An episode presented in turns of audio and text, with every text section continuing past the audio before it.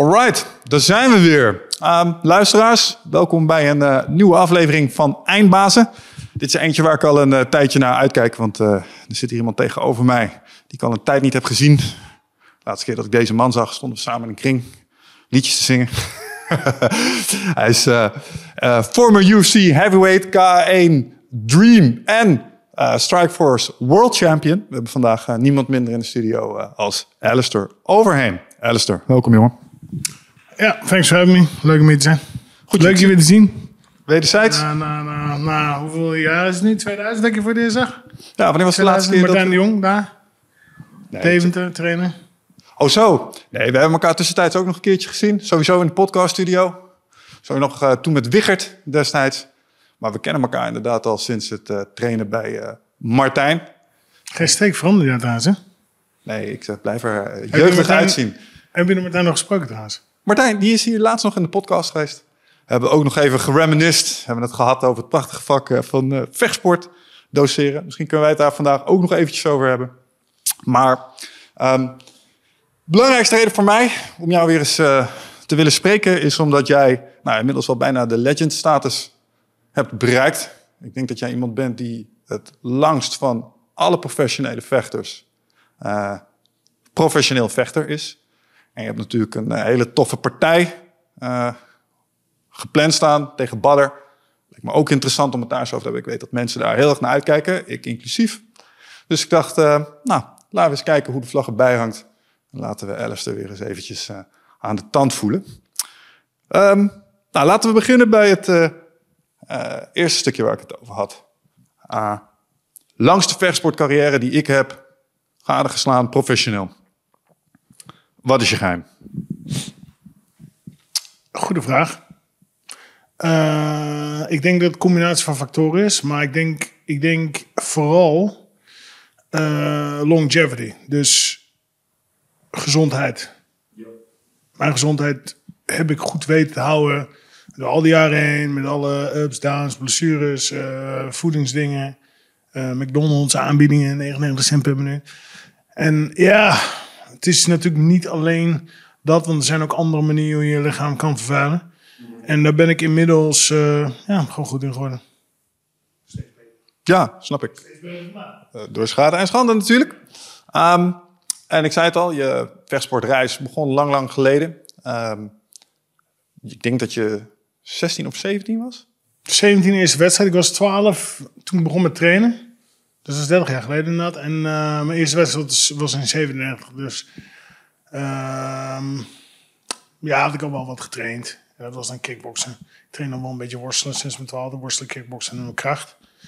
Maar uh, ja, ik begon met kickboksen 17 en 18. Kickboxwedstrijden gedraaid. En 19 was mijn eerste uh, free, of, ja, free fight heette dat toen nog. Mm. Open, nou was het open? Nee, ik had wel handschoentjes aan. Ja, dat is natuurlijk niet, niet zomaar een sport om in te rollen op het moment dat je nog best wel jong bent. Het is niet echt iets wat. Uh, het is geen voetbal, het is geen basketbal. Hoe kwam dat zo tot stand? Wat zei je als laatst? Um, hoe kwam dat zo tot stand? Uh, eigenlijk uh, twee zaken. Dus één, mijn broer. Die had ik als voorbeeld. Hè, vier ouder, vocht al, trainen al, deed een beetje zijn eigen ding. Voor mij was het heel interessant. En eigenlijk, uh, dat, dat hè, als voorbeeld, hij was dan het voorbeeld als één. En nummer twee, um, ik had een tussenjaartje. Dus toen ik 13 was, ging naar mijn vader. Ging in Nederland, was ik gewoon een beetje aan het etteren. Dus nou, we hebben besloten, je gaat bij je vader wonen. Half Nederlands, half Jamaicaans. Mijn moeder is dus blond oog. Mijn vader is donker Jamaicaans. En um, die woonde in Engeland. Dus ik ging naar Engeland, daar naar school. En um, ja, dat was wennen. Ander land, andere kinderen, uniform aan. En mijn vader was streng, was anders, totaal andere energie. Druk, ook stress met werken. Dus dat liep stuk na een maandje of drie, vier. En toen kwam ik terug naar Nederland. En uh, in Nederland uh, kon, werd ik niet aangenomen op school. Want halverwege het schooljaar, ja, uh, je moet gewoon wachten tot volgend jaar school. En dat was het moment dat ik ook begon te trainen eigenlijk train ik al daarvoor, maar ook het moment dat het, het gas ging er iets meer op. Want ja, ik zat gewoon een beetje thuis niks te doen. Maar mijn moeder zei ook van, uh, gaat niet eh, thuis, je gaat gewoon werken. Dus ik met mijn uh, ideetje naar de, naar de uitzendbureau. Hè, dat verhaal heb ik volgens mij wel eens verteld. En nou goed, die zei achter de computer had ze een, baantje geregeld bij, eh, hoe heet het ook weer, Prodent fabriek, inpakwerk. En dan was ik 13. Nee, ik loop er natuurlijk bij nog. Om, eh, ik moest om tien over zeven zijn of zo. Nou, wachtruimte. Nou, ik maar een beetje wachten, om me heen kijken. En eh, nou, iedereen een beetje zenuwachtig. Vijf minuten later komt een voorman binnen. Hè, de manager, hoe je het noemen wil. Ja, volg mij. Dus iedereen mee. Liep een grote ja, fabriekshal in. En zo werden we aan het werk gezet. Jullie drie dagen, jullie vijf dagen, jullie vier dagen. Er was geen gesprek, er was geen... ehm, ja, er was, was gewoon, daar je helpen, klaar. En eh, ik weet nog, ik was 13. En dat was eigenlijk het gevoel wat ik had, was... Oké, dus dit is het leven. Gewoon aan het werk gewoon slaaf. En eh, ja, daar is mijn motivatie vandaan gekomen. Dus je hebt dus aan de ene kant eh, gewoon shitwerk, elke dag. En ik haat dat. En sterker nog, ik kan dat ook niet. Dat werkt niet, zeg maar, voor mij. Ik doe dat niet. Ik werk dan niet mee. Eh, ik ga mijn eigen ding doen en dat was dan mijn broer. Die vrijheid, trainde, een beetje geld, een beetje zijn ding. Dus dat was een beetje eigenlijk voor mij wat mij in de vechtsport trok. En mijn broer was eh, hard. Die was gewoon, eh hup, je moet mee. Dus je moet jezelf leren verdedigen. Ik dacht, en ja, zo rolde ik daar eigenlijk een beetje in. De, met het ene, aan de ene kant een soort fabrieksbaantje, wat gewoon eh 4 gulden 35 bruto per uur verdienen. Gewoon, ja, daar heb je niks aan. Weet je wel, belasting eraf, dan kan je, kan je filmuren en eh ja, patatje kopen of zo. En dan de volgende dag repeat. Of ik ga die vechtsportkant op. En ik ga mijn eigen ding doen. En ik ga me daar verder in ontplooien. Mijn broer vocht in Japan.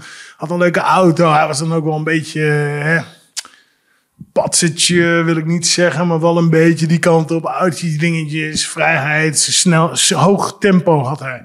En eh, ja, je kan of in die rubriek je tijd ver- verdoen, of je kan gewoon dat gaan doen en dat is gewoon je eigen ding. Natuurlijk kies ik voor mijn eigen ding. Ja. Wat ik hier grappig aan vind is dat zeg maar, het heeft je zoveel angst aangejaagd. Dat fabrieksbestaan, dat je zo'n beetje de engste baan ter wereld bent gaan doen, denk ik. Het is niet angst, het is meer woede. Eh, toch een soort ehm, ja, woede op het systeem, woede op. Kijk, want Nederland is natuurlijk welwaarts land en het is allemaal links en allemaal geweldig en iedereen zorgt voor elkaar. Maar ik heb aan een lijve heel jong al gevoeld dat het totaal niet het geval is. En ehm, ja, daar komt ook mijn motivatie vandaan. Hè? Lengte van, de vechtsport, eh, van mijn vechtcarrière. Maar ook mijn instelling. Eh, je dopt je eigen bandjes. Dat vind ik interessante, want ehm, ik heb hier een meneer gehad, Chi.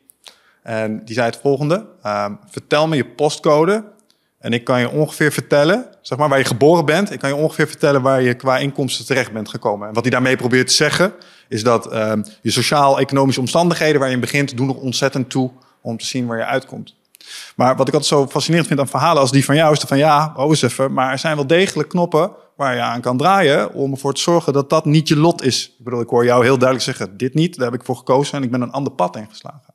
Kijk je daarnaar? Eh, dat klopt. Ik, eh, ja. Kijk, de lengte van die vechtcarrières. Ik ben een vechter qua karakter, persoon, altijd al geweest. En ehm, ja, kijk, eh, voor mij had, had ik dat dipje nodig. Hè? Werk in een fabriek op 13-jarige leeftijd. eh, om daar achter te komen. Dus het was een tegenslag wat me daarna omhoog heb gegooid. Eh, maar goed, eigenlijk heb iedereen die keuze. Maar als je ligt te slapen, dan rol je er zo in. Ja, En dan voor het weten zijn er patronen ingeschreven? in de 9 tot 5. En, en dat is ook een beetje mijn ding, dat 9 tot 5. eh, prima als, me- als je dat wilt. Maar voor mij, ja, nee, ik wil gewoon de wereld zien en ik wil gewoon eh, mijn ding doen. Ja, Dus dat, volgens mij is dat wel gelukt. Ehm, laten we even verder kijken naar dat, dat stukje introductie in de vechtsport. Dus je, je trekt op met je broer, eh, de fast life. Ik kan me de allure zeer goed voorstellen. Ehm, maar tegelijkertijd kom je dan ook een wereld in. Eh, je zei al, vader had ook wel een ander soort energie. Was iets strenger, iets harder. Vechtsport wordt ook wel ge- geassocieerd met een bepaalde directheid en een bepaalde discipline.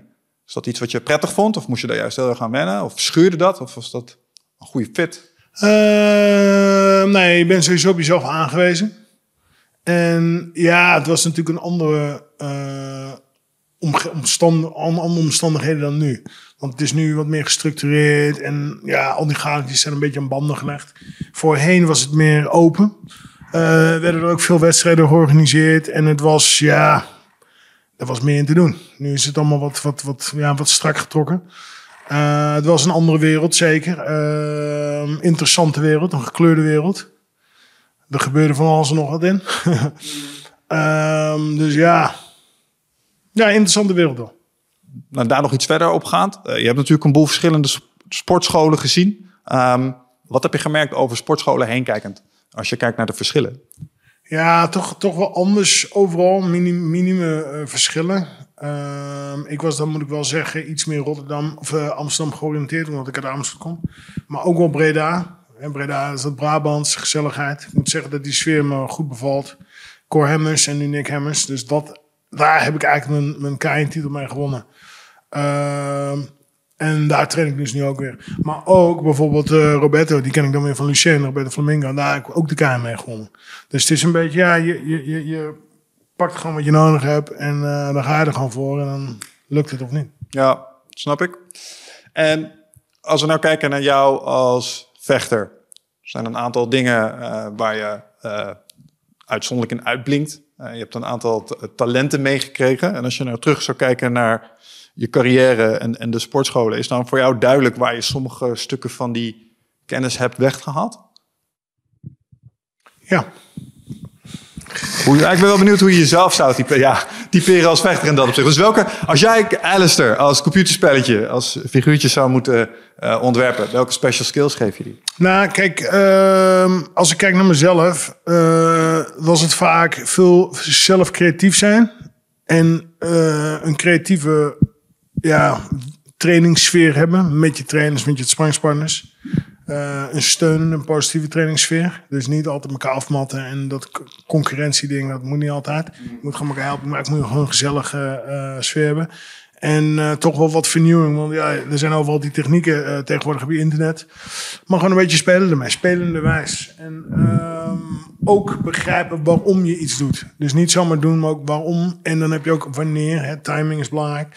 Maar als je, als je gewoon daarmee speelt, dan komen die dingen vanzelf omhoog. En dan heb je welwillende je teamgenoten. Waar je dat mee kan uitproberen spelen.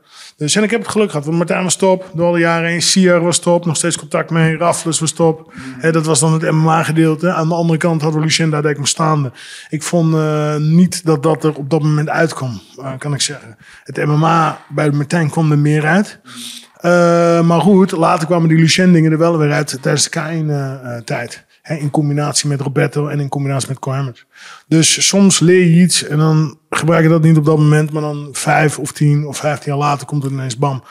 Dus dat is grappig. Ook als ik mijn notities uh, vind van twintig jaar geleden, dan die zijn nog steeds bruikbaar. Nog steeds. En vaak kan ik ze nu kloppend maken. Ah, top. Dus sowieso, uh, wat ik hier hoor, vind ik heel interessant. Jij hebt aantekeningen gemaakt over je vechtsportlessen, uh, terwijl je ze aan het, dus terwijl je lessen aan het leren was, maakte je aantekeningen. Altijd. Druk. Belangrijk om met jezelf te kunnen praten. Oh, dat is een mooie manier van het omschrijven. Ja. En nu kom je die dus tegen? En nu vervolmaak je ze, zei je? Uh, nou, ik heb, ik heb bepaalde vragen destijds. Die kan ik nu invullen. Omdat ik dus nu. En dat is, dat is best wel uh, tof om, om, om uh, mee te maken. Omdat je dus bepaalde vraagstukken had. En dat, is dus, dat zijn dus nu uh, valid, goede nieuwe technieken. Dus je kan je gewoon nu weer gaan trainen. Kun je eens een voorbeeld geven? Uh, nou, een bepaalde combinatie of een bepaalde schop. Hè. Ik zal het versimpelen. En dan kwam je er op dat moment niet uit, omdat je op dat moment de kennis niet had. Maar nu heb je die kennis wel. En dat was wel een vette beweging, die, die je dan op dat moment in je hoofd had. Dus nu kun je hem kloppend maken. En nu kun je hem dus gaan trainen en andere mensen leren bewijzen. Ja. Even terug naar iets wat je zei uh, over het uh, sparren in verschillende sportscholen. Um, iets wat ik me ook wel eens afvraag is... Um, nou, je, zei, je gaf het antwoord eigenlijk al, maar hoe kijk jij aan tegen het 90% plus sparren? Mm, kan allemaal doen. Kan allemaal doen. Um, als je dat jaren doet, te lang, te veel, dat is wel uh, schade. Dus ik zou het niet aanraden. Maar uh, ja, als je dat gewoon allemaal doet, we kunnen heus wel tegen een stootje. Ze zijn niet compleet voor zaken. Sommige mensen wel trouwens. Denk ik ook. Maar... Um... Ligt er ook aan of je het wil. Kijk, ja. Uh, ik zou niet aanraden voor, voor een leek om tegen een, een, een, een, ja, een ervaren vechter te gaan en dan vol te gaan sparren. Maar als je beide op een bepaald niveau bent en je wil dat uh, oefenen, ja, waarom niet? Ja. Denk je dat het te doen is überhaupt zonder? Ik denk, ja, als je wedstrijden wil gaan vechten, dan zul je het ook zo dicht bij de waarheid moeten emuleren om, om te ervaren hoe dat is. Dus je ontkomt er denk ik niet aan. Alleen, eh, kijk, lesgeven is mijn volgende ding. Ik ga lesgeven naar mijn vechten. Eh, je wil niet alleen maar sparren. Er is een bepaalde verhouding. Hè? Je hebt drills, je hebt, je hebt, je hebt, je hebt technieken. ehm sparren is één van die, hè? warming up, cooling down. Dus dat zijn nog vijf verschillende facetten. En eigenlijk wil je daar ja, 20 of 30 minuten per facet aan besteden. En dat is dan je training. Niet alleen maar trainen. Niet alleen maar sparren bedoel je? Eh, alleen maar sparren. Ja, ja, nee, check. Nou, we kunnen er wel eventjes over hebben. Want eh, een van de dingen waar ik inderdaad best wel wat vragen over had... was eh, het feit dat je wil gaan lesgeven. Ik wil het straks nog even hebben met, over je met je meest nabije vechtsport ding, badder. Maar ehm, ik denk dat het wel veilig is om te zeggen... dat je ook al aan het nadenken bent over na je vechtcarrière. En dat lesgeven daar een belangrijk onderdeel van is. Ja. Ja. Ja, ik eh, heb er lang over ged- nagedacht, maar nou, een jaar geleden eh, werd het wel een beetje duidelijk. Lesgeven is mijn ding. Ik vind het gewoon leuk om, om, eh, in de gym te zijn eigenlijk. Blijf zelf ook een beetje fit, maar ook... ehm, ja, ik weet niet. Ik heb veel mogen leren de laatste 30 jaar. Dus het wordt dan... Volgende fase toch een beetje doorgeven. En eh, ja, bizar veel, veel geleerd. Over de hele wereld eigenlijk wel. Want ik heb de laatste tien jaar dan in Amerika gezeten. Dus dat is om door te geven aan, aan de volgende generaties. Ja, nou, sowieso denk ik qua vechtsport inhoud eh, ben je natuurlijk onbetwist expert, eh, ervaringsdeskundig. Maar een beetje aansluitend op waar we het net over hadden. Je hebt natuurlijk ook best wel veel leraren en verschillende sportscholen van binnen gezien. En nu je les gaat geven, dus, zo heb ik dat altijd ervaren. Als je les gaat geven, probeer je een soort samenvoegsel te worden van alle beste docenten die je een soort van hebt gehad. Dus jij hebt jouw kennende ook nagedacht over wat een goed sensei dan maakt. Wat was daarop je antwoord? Iedereen kan in principe lesgeven. Want het is, het is eh, de mensen om je heen eh bewustzijn bijbrengen, hè, omhoog tillen. Dat kun je doen. Ja, over, ik, ik zou dat kunnen doen over vechtsport, maar ik denk, ik denk ook wel meer. Wat me heel erg beviel in Denver bijvoorbeeld, was dat ze heel erg op de normen en waarden aan het eh, schroeven waren. Dus 2018 tot eigenlijk 2021 heb ik daar getraind. Hè, vier jaar. En die waren streng. Heel erg met niet hard sparren. Wat ik toch wel ook goed vind. Hè. Blessures wil je niet, want daardoor gaan de wedstrijden niet door. En normen en waarden. Zij waren heel erg bezig met je goed, moet een goed persoon zijn. En ehm, ja, dat beviel me wel. Dat, dat, dat had ik nog niet e- e- eerder ergens in een gym gezien. Als ik les gegeven gaat het zeker een onderdeel zijn van, van mijn eh, ding ook. Oh, top. Daar wil nog wel even iets, over, iets meer over weten. Wat was, wat was hun definitie van... Wat voor normen en waarden kreeg je daar gebracht? nou, dat was Elliot Marshall. Dus hij komt uit de BE. En eh, zijn ding was be a good person. Wees een goed persoon. En ja, dat was eigenlijk na de les gewoon zitten. En dan hield hij zijn toespraak 15 minuten. En ik zat, ik zat altijd, er waren een aantal die, die vonden dat niks afgeleid. Iedereen had wel de respect om te luisteren. Allemaal anders kregen ze de wind voor. Maar ik luisterde wel aandachtig. Want ik, ja, ik, ik vond het prachtig natuurlijk. Hè, wat ouder en... nu ietsje ouder weer dan, dan toen. Maar ik, ik, ik luister altijd wel aandachtig. En ik vond het altijd wel eh juiste levenslessen. Ik kan ook zeggen dat de sfeer in die groep eh, bijzonder goed was. Bijzonder positief. Geen rotte appels. Ja, nou, mooi. Ehm, dus een stukje normen en waarden eh, mogen we verwachten op het moment dat we bij Alistair in de les stappen. Ehm, wat is nog meer iets wat jij belangrijk vindt om eh, vorm te geven binnen je les? Nou, de techniek, hoogstaande kwaliteit. En kijk, MMA is toch een beetje mijn dingetje. Ehm, dat zie ik ook als een sport van de toekomst. Dus ik zal eh, daar de focus op gaan leggen. Natuurlijk ook het staande, natuurlijk ook grond, natuurlijk ook van alles. Hè, krachtconditie, maar toch het MMA is dan een beetje de rode draad. En ja, ik wil toch eh, eh, met de jongens in de UFC, dat is toch de grootste organisatie en eh, wereldwijd. Ah, dus eh, eventueel ook een kweekvijver voor talent om naar hogere echelons van vechtsport te gaan. Wedstrijd Absoluut. jongens kweken. Ja, ja, en we hebben natuurlijk in eh, Nederland hebben LFL, die timmert eh, goed aan de weg. Leuke evenementen. Dus ja, kijk, kijk, misschien komt er een nieuwe, nieuwe promotie. Maar dat is toch een beetje de sport van de toekomst. Ja. En omdat het wereldwijd is. En ehm, als we dan kijken naar de invulling van de les vanuit een krachten- en conditieperspectief. Is dat iets wat je erin wil integreren? Of is dat iets waarvan je vindt... ehm, sommige sportscholen wordt het heel beduidend buiten de les geparkeerd. Mag je zelf Nou, fixen. ehm, kijk, eh, als ik ga lesgeven, dan zal ik samenwerken met andere coaches. En dan, eh, ja, dan ben ik een van de. Dan zal ik waarschijnlijk vier, vijf, zes jongens eh, onder me hebben. En dan ga je daar een pakket mee samenstellen wat allesomvattend is. Ehm, dus de krachtconditie zou dan ook daar zijn. Ik weet niet. en dan heb je inderdaad vechters in je doelgroep, maar ook recreanten. Eh, ook zelfverdediging. Hè? Mensen die ook kinderen uiteindelijk. Dat is dan niet mijn, mijn main focus. Maar goed, eh, als je, als je die kant op gaat, dan wil je dat er gewoon een beetje bij hebben. Ik vind uh, BJ vind ik uitstekend voor kinderen. Hè, zelfvertrouwen omhoog, lekker in beweging, sociaal, in de groep. Ehm, ja, en dan zijn die wedstrijdvechters is een onderdeel van. Maar niet de hoofdzaak. Ja, ik, ik denk dat dat ook eh, de gezondste manier is om eh, een gezonde vijver van mensen te hebben waaruit talent naar boven komt eh, dobberen. is iets minder high pressure en ik denk dat dat ook iets langduriger is in dat opzicht. Ehm, je hebt natuurlijk ook al wat lessen, wat lessen gedraaid, wat seminars gegeven. Ehm, wat vind jij als vechter? vond je het lastigste concept om onder de knie te kijken als je kijkt naar vechten? Alles is haalbaar, eh, maar Jeroen gaan uren erin stoppen. Ik heb op zich niet echt moeite gehad met, met iets specifieks. Misschien dat het worstelen een beetje het meest fysieke was.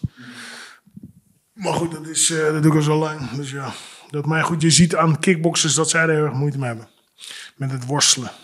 Dus het BJJ gaat nog wel, maar het worstelen, dat, dat, eh, dat ligt er dan wat verder vanaf. En ik denk, ik denk dat dat een beetje het Achilles eh heel is van, ja, van iedereen wel, denk ik. Behalve de, behalve de Amerikanen en de Russen die dan zeg maar dat worstelen met de paplepel in grote krijgen. Ja, en je, stel je bent een leek en je denkt Braziliaanse jiu-jitsu en worstelen lijken wel heel erg op elkaar. Het zijn gewoon gasten die elkaar vastpakken en proberen te gooien. Waar ligt dan het belangrijkste verschil tussen die twee? Wat maakt worstelen anders dan dat Braziliaanse jiu-jitsu? Ehm, nou ja, worstelen is iets meer fysiek. Ehm, en daar hebben veel mensen al geen zin in. Dus ik denk dat dat een beetje het verschil is. Beide zeer effectief. Maar worstelen, ja, is toch wel, eh, is toch wel next level moet ik zeggen. Dat is toch wel een beetje de, de, het factor wat het verschil maakt, vind ik. Ja, en Amerikanen en Russen die hebben dit, eh, krijgen dit met de paplepel ingegooid. En hier in Nederland is dat eh, iets minder populaire sport in dat opzicht. Dus er komt een, een sterk worstelcomponent ook binnen het grondwerk. Absoluut. Ja, oké. Mooi. Ehm, en ehm, ik vind het altijd leuk om mensen die eh, vechtsport niet zozeer kennen, ehm, er een ervaring mee te geven. Want eh, de gemiddelde burger klinkt zo, maar de mensen die het nog nooit hebben gedaan, eh, kunnen er een boel uithalen. Stel je zou de luisteraars die twijfelen. Zo van, vechtsport, misschien best wel kicken. Leuk om te doen. Ik zou wel eens een keer bij die Alice willen trainen. Maar ik weet niet helemaal zeker of het iets voor mij is. Wat zou je tegen die mensen willen zeggen? Ja, ik ben niet zo van het eh, promoten van mezelf. Kijk, als iemand wil komen, graag. Als ze niet wil komen, ja. Niet niet van lekker Alice zelf als de man, maar gewoon... Stel je zou vechtsport aan zich moeten verkopen. Dus waarom, waarom zou je iemand naar vechtsport willen krijgen? Kijk, ik, eh, ik dat, zeg ik, ik ben niet een verkoper. Ik, eh, mensen moeten doen waar ze zelf zin in hebben. Als ze er geen zin in hebben, moet je vooral wat anders gaan doen. Ik eh, weet wat het mij gebracht heeft. Ik, ik kan je vertellen dat eh, ja, je gezondheid gaat omhoog, je, je, je zelfvertrouwen gaat omhoog. Ehm, allerlei dingen die, die toch wel belangrijk zijn tegenwoordig, vind ik. Eh, gewoon het, het, het feit van bewegen aan zich. Hè, in beweging zijn, gezondheid. Dus ja, ik zou zeggen, eh, maar goed, het, het- is me opgevallen dat die laatste jaren, eigenlijk ook wel door corona, dat, dat er niet heel veel mensen met de gezondheid bezig zijn, eigenlijk niemand. En ook niet sportief bezig zijn. Dus ja, wat moet je dat tegen dat soort mensen, eh, daarom, hè, dat verkopen, dat, dat, dat helpt niet, want ja. Moet ze in eerste instantie maar eens in beweging zien te krijgen überhaupt. Ja, is het echt zo schijnend, vind je? Ik denk het wel. Waar, za- waar zag je dat aan? Wat zeg je? Waar zag je dat aan? Want je zei, ik zag het tijdens COVID, zag ik het heel veel. Nou, dat mensen geen verstand hebben van gezondheid. Oh, zo, ja. Ja, en de overheid ook niet. De overheid heeft geen verstand van gezondheid. Gewoon niet. En sterker nog, het lijkt wel alsof ehm, elk stippeltje beleid, dat wordt zeg maar ge- ja, voltrokken, dat het zeg maar tegen de gezondheid is. Dus dat is een beetje apart. Waar zie je dat het meest, vind jij? Nou ja, als je elkaar niet kan opzoeken en je moet gewoon binnen blijven zitten, ja, dat is niet goed voor je gezondheid. Toch? Je hebt het nu over de lockdown. Ja, Ja, nee, oké, check. Ja. Dat is trouwens zo Nee, ja, nee, ja. Dat is weer onderweg, hè? Pandemie Dat komt weer. Dat gaat zo meteen weer komen. En dan ga je dus weer binnen zitten. En dat is niet goed voor, voor iedereen zijn gezondheid. Nee. Of ben je het daar niet mee eens? nee, daar ben ik het inmiddels wel mee eens. Inmiddels. Inmiddels. Nou, ik vond het, eh, het begin van COVID vond ik wel fucking spannend, ja. Toen was ik best wel pro-lockdown. En eh, toen eh, er zijn een paar slimme mensen die ik volgde. Die zeiden, ja, maar dit, dit heeft ook gewoon effect en dat soort dingen. Inmiddels, eh, een aantal jaar verder, het zelf ook gehad hebbend, eh, merk ik, ik zit daar heel anders, veel relaxter in. Ik zou daar deze keer niet meer in meegaan. En in eerste instantie heb ik ook wel onderschat wat de ontwrichtende werking ervan is geweest op mensen. Net, net wat je zegt, elkaar niet kunnen zien. Ik merkte het pas weer toen ik de sociale connecties echt aanging. Omringd was door mensen, toffe dingen aan het doen was. eh, die ik echt twee jaar niet gedaan had. Omdat ik dacht, jeetje, je zult het maar krijgen. Kwam ook een beetje, ik had anekdotische mensen om me heen die echt omgevallen zijn erdoor. Dus dat, dat, maar, dat hielp niet. Maar ik zou het niet weer doen. Omdat ik nu merk wat het effect was op je mentale welzijn. Nou, kijk, en, en als, je, als we zeg maar dat even iets geleden gaan bekijken, dan, dan, dan zie je dus, dan weet je dus nu, realiseer je dus nu, dat op jouw angst is ingepraat om jou in een bepaalde hoek te drijven. En ben je gevaccineerd? Omdat dus, daar is dus winst, iemand hebt daar centjes mee verdiend en meerdere mensen trouwens, want ja. Eh, maar goed, eigenlijk, eh, de grote jongens hebben dan. En, en ik, weet, ik heb iets tegen onrecht. Dat is verkeerd geweest. Snap je? Dus het is tegen de gezondheid, want niemand heeft het gehad over je moet meer fruit en groenten eten. Nee, je moet binnen zitten. Slecht voor je gezondheid. Ga maar even dat. Dat is dus winst, oogmerk. Ja, ik, ik, ik heb daar moeite mee. Hele Ja, grote nee, ja, du- duidelijk. duidelijk. Ehm, en eh, ik denk dat het belangrijk is dat... Maar wat vind je daar zelf van? Want laat ik het zo zeggen. Heb jij moeite dat jij zeg maar om de tuin bent geleid? Of heb je zoiets van, ah, volgende, next? Oh zo, nou ik heb niet het gevoel dat ik om de tuin ben geleid daar. Nee, dus als mensen tegen jou zeggen, voor allerlei ideeën in jouw hoofd neerzetten. En jij bent bang. En je hebt, hoe lang ben je bang geweest? Een jaartje, anderhalf, twee, Nee, oké, ik ga het nuanceren. drie maanden? Ik, ben, eh, ik heb niet het gevoel dat ik eh, iets doms heb gedaan met het vaccin. Maar ik onderken helemaal dat er echt ernstig op allerlei angstknoppen is gedrukt. En daar ben ik achteraf eh, op sommige momenten heel gefrustreerd en pissig om geweest. Dat ik echt dacht, wat hebben ze me aangedaan, jongen? Ik kan sommige dingen kan ik gewoon ik, niet meer, durf ik niet meer. En daar kwam wel een bepaalde, ja, ja, je noemde het aan het begin al, woede, frustratie eh, achterweg. En ik zie nu op sommige onderdelen, zie ik weer hetzelfde gebeuren op andere dingen die bezig zijn in de maatschappij. Klimaatverandering. Ik moet de laatste tijd heel vaak denken aan een filmpje. Hebben ze zo'n CNN-reporter, hebben ze covert opgenomen. En eh, hij denkt dat hij op een date is met iemand. En iemand neemt op wat hij zegt. En dan zegt hij, wat wordt het grote volgende ding? Ja, climate change. We gaan iedereen helemaal bang maken met climate change. Dat wordt de komende vijf jaar ding. Iedereen moet... Want ze doen het omdat die eh, sensationalistische shit verkoopt gewoon. En dat is een ding, dat zie ik nu wel echt. En dat kan ik niet meer ontzien. En dan denk ik wel eens, waar halen jullie het bestaansrecht nog vandaan? Snap je? Waar, wat, wat ik weet niet zo goed wat ik er tegen kan doen, anders als het tegengeluid bieden. Dus ik probeer hier in de podcast mensen uit te nodigen die bijvoorbeeld een ander perspectief geven. Of eh, die zeggen, hey, ja, het is wel precair, maar wist je dit al? Of wist je dat al? Of wist je zus al? Voorbeeld, eh, Great Barrier Reef. Iedereen denkt, gaat naar de tering. Gaat niet goed. Staat op het hoogste wat het ooit geweest is. Maar daar heeft niemand het over. Want de interventies die we hebben gedaan werken. Maar daar klikt niemand op. Snap je? Dus we kunnen beter zeggen, grootste droogte ooit. eh, we gaan er met z'n allen aan. Daar klikken we op. En dat zie ik inmiddels stukken beter. Alleen ik heb de oplossing nog niet. Maar misschien heb jij daar ideeën over. Nou, ik eh, doe de tele- televisie niet eens aan. Ja, ja nee, maar ja, ja sure. Kijk, geen nieuws. En eh, het, zal allemaal het is altijd weer dit en dat. Ja, ik word er niet wakker van. Als je, als je het nieuws niet kijkt, dan ga je trouwens beter door het leven. Hè? Vrolijker. ja, Ben je denk ik wel ook. vrolijker. Denk ik Dus ook. nieuws uit. Ik heb ook een tijd lang gewoon een informatiedieet genomen. Kijk, de reden dat we hier zitten, zeg maar, zo, ah, leuk hier in het groen. Dat was omdat ik op een gegeven moment erachter kwam. Weet je wat echt niet goed is voor mij? De hele tijd toch die fucking kukkerpuut zitten, kijken naar het nieuws. Dus weet je wat we gaan doen? We gaan het bos in. Ik ga zware shit zouden, ik ga vuurtje poken. Flikker maar op. Eh, en toen ging het ineens binnen eh, een week ging het stukken beter met mij. En toen was ik eruit. Dus je eigen ding doen. Ja. Ja, nee, da- daar zitten we helemaal over op één lijn. Maar wat ik als wereldburger of iemand die gewoon in een maatschappij probeert mee te komen, soms wel moeilijk vind. Ja, maar hoe kom ik dan aan mijn nieuws? Snap je? Wil wel een beetje up-to-date blijven. Het feit dat er zo'n toeslagenaffaire was, best handig om mee te krijgen. Snap je? Dus ergens kan je er ook niet helemaal voor afsluiten. Maar je hoeft je er ook niet de hele dag door aan bloot te stellen, 24-7. Dat geloof ik ook heel erg. Klopt. Ja, klopt. Want je wordt negatief geladen. En dat uitzicht weer in je, in je eigen leven. En, als je gewoon, en je doet het zelf, dat is ook nog eens iedereen zit zelf, uh, hè, telefoon, tv. Als je gewoon dat niet eens doet, dan gaat je daar gewoon een stuk bij doen. Ja, ja, en op mijn meest cynische momenten, dan denk ik wel eens, waarom toch allemaal dit? Waarom? Wat, Nou, wat, wat, wat zijn we hier aan met die vaccinaties zijn voor winst. Ja, dat, dat, weet je toch? Dus jij bent bang gemaakt voor winst. Even terug daar aan toe.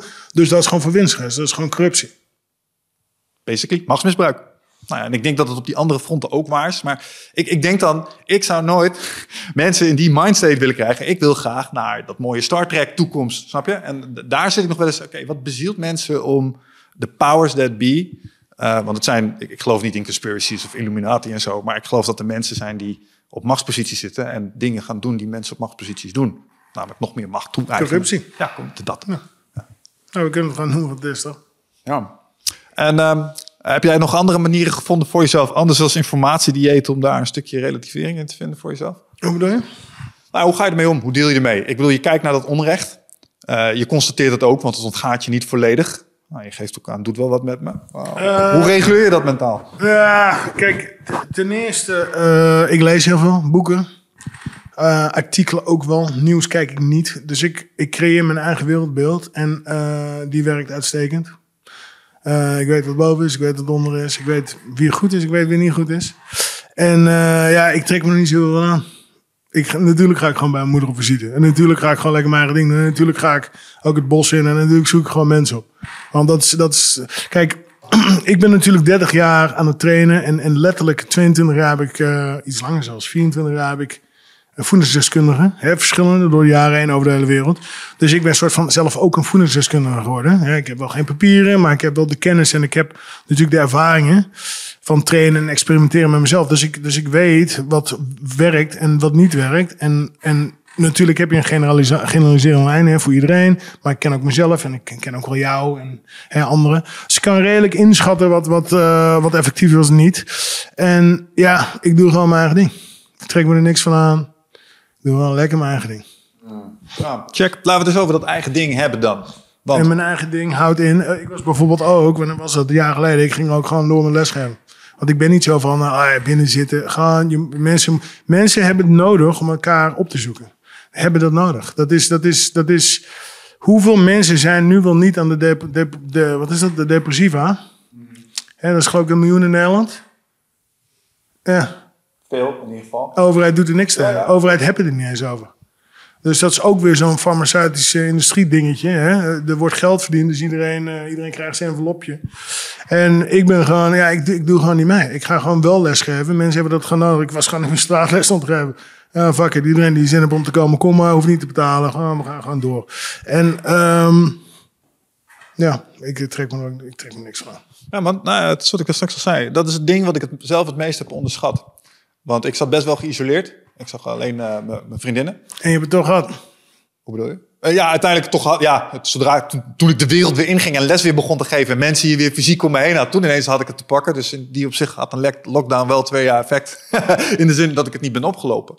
Maar pas toen ik dus weer onder de mensen zat, toen dacht ik, wauw, hier laat je van op, jongen. Ik voelde me, ik, eh, al die tijd zat ik op, als het ware, op, het was van een 9 was het naar mijn eh, belevenservaring was naar een 6 teruggelopen. Alleen dat was zo geleidelijk gegaan, had je niet meer door dat je op een 6 zat. Dus toen je weer de wereld inging en je kwam weer in aanraking met mensen, toen ineens dacht je, oh fuck, zo voelde dat. Zo voelde het om een groep eh, geraakt te hebben en eh, gelachen met z'n allen. En ineens voelde je beter, slaap je beter, je dagen daarna gloeien. Ja, dat vergeet je dan heel geleidelijk aan. En nu ben je wakker en nu ga je niet meer Dat gaat niet meer gebeuren. Nee, Ja, precies. Zeker niet. Dus. Nee, 100%. Ehm ik wil het nog eventjes hebben over eh, de andere dingen die je eigen weg zijn. Want eh, je, je geeft al aan, ik ben natuurlijk al best wel een tijdje atleet. ben veel bezig geweest met eh, voeding. Je ziet er goed uit voor iemand die al 20 jaar plus professioneel op zijn hoofd laat slaan. 86 jaar oud is. Eh, Snap je? Dus dat gaat allemaal lekker. Ehm, dus jij bent ook al een tijdje bezig met, met je gezondheid. Ehm, als het gaat, laten we gewoon even kijken naar de, naar de belangrijkste dingen. Namelijk bewegen, trainen, voeding en mindset. Ehm, als het gaat om trainen. En we hebben het net gehad over mensen weten er eigenlijk te weinig over. Ehm, wat zou je... Wat moeten je mensen hier meer over? Wat zouden mensen hierover moeten weten wat jou betreft? Als het gaat om het fysieke gedeelte. Ehm, wat zouden mensen moeten weten? over het fysieke stukje. Dus als gezondheid is bewegen, voeding en mind, laten we het daar maar even op houden. Oké, ehm, oké, we zijn drie dingen. Hè? We zijn een lichaam, we, we zijn een geweten en we zijn ook een ziel. Eh, het lichaam heeft beweging nodig. Dus als jij gewoon de hele dag achter die computer zit, dan is je lichaam niet blij. Ehm, we leven in een weerzaak van eh, oorzaak en gevolg. Als jij je lichaam al te lang pissed off houdt, blijft houden, dan ga je daar de rekening voor betalen. En datzelfde geldt ook met voeding. Eh, ja, te veel slechte dingen is erin stopt. Er komt een moment dat die rekening gepresenteerd gaat worden. En mensen denken, oh ja, maakt niet uit. Oh ja. Nou prima, eh, doe je ding. Alleen ja. Ik denk ook dat, dat, dat, dat de, de, er zijn mensen die nog slapen, die er helemaal geen weet van hebben. Maar er zijn ook wel steeds meer mensen die bewuster worden en die er toch wel, eh, ja, wel mee bezig zijn. Dus, dus ik, ik, ik, ik, ik ben altijd optimistisch geweest. Het komt goed, maar Alles goed. komt altijd goed. Alles komt altijd goed. Tot het één dag niet meer goed komt. Maar dan merk je er niks meer van. Het komt altijd goed. Altijd goed. Ehm, maar, maar als het gaat bijvoorbeeld om voeding, hè? want ik zag je er straks, eh, ik gaf je wat te drinken. Eh, dan kijk jij gewoon direct even op de achterkant van zo'n label. Wat zijn dingen waar, jij, waar je dan per direct naar scant? Eén nummer, suiker, dat soort dingen. Kijk, hier is dit ding. Als je wel wil moet je doen. Alleen, ik eh, weet dat het niet goed voor mijn lichaam is. Dus ja, ik, eh, ik hou dat soort dingen buiten mijn lichaam. Ja, ik neem aan dat je het merendeel van de tijd eh, schoon eet. Snack je wel eens eh, überhaupt tussendoor? Merk je dan ook, oh shit, ja, dit doet iets? Ehm, ik snack heel af en toe. Misschien twee keer in de week eh, een partijtje. En ik had, wat was het laatst? Een spekkoekje op. Zo twee, drie keer in de week neem ik er zoiets. Eh, maar goed, je kan het met jezelf testen. Ehm, ga naar de sportschool. Voordat je naar de sportschool gaat, ga je naar de McDonald's. Nou, dan, dan ga je zien hoe je traint. Hoe je je voelt. En, en dan moet je alles dubbel nemen. Weet je wel, lekker vol eten. McDonald's laat je het even zakken en daarna ga je sporten. Zo heb ik een beetje alles een beetje getest. En dan kom je tot de conclusie, oké, dat is dus goed eten en dat is dus slecht eten. Hè, eten wat je even energie geeft en eten wat je energie kost, hè, het verteren. En ja, dat heb ik, dat heb ik zo'n beetje met alles gedaan. Dus dan, dan krijg je een soort van gevoel, begrip, oké, dat wel, dat niet. En eh, dan, dan weet je wel dingen. Ja. En ook weer, ook weer, want in het ziekenhuis hebben ze bijvoorbeeld voeding helemaal niet opgenomen in, in dat is gewoon een soort van, oh ja, hè, wat? Ik, had, ik was eh, in Amsterdam geweest bij eh, Michelle van der Vught om te praten over eh long-covid-patiënten. En ook vanuit een persoonlijk interesse, omdat ik nieuwsgierig ben waar zij mee bezig zijn. En ja hoor, ze zijn niet bezig met voeding. Dus dat betekent dus dat je dus het, het, het gewoon geen, je hebt gewoon geen verstand van gezondheid. Als je geen, als je dus dat hele voedingsstukje eruit laat. Hè, en dan kijk ik naar, naar het corona-dieet. Met, eh, wat zat erin? Eh, Coca-Cola en eh beefy-worstjes en eh, eh, wat was het? eh yoghurtdrink. Mensen hebben totaal geen verstand.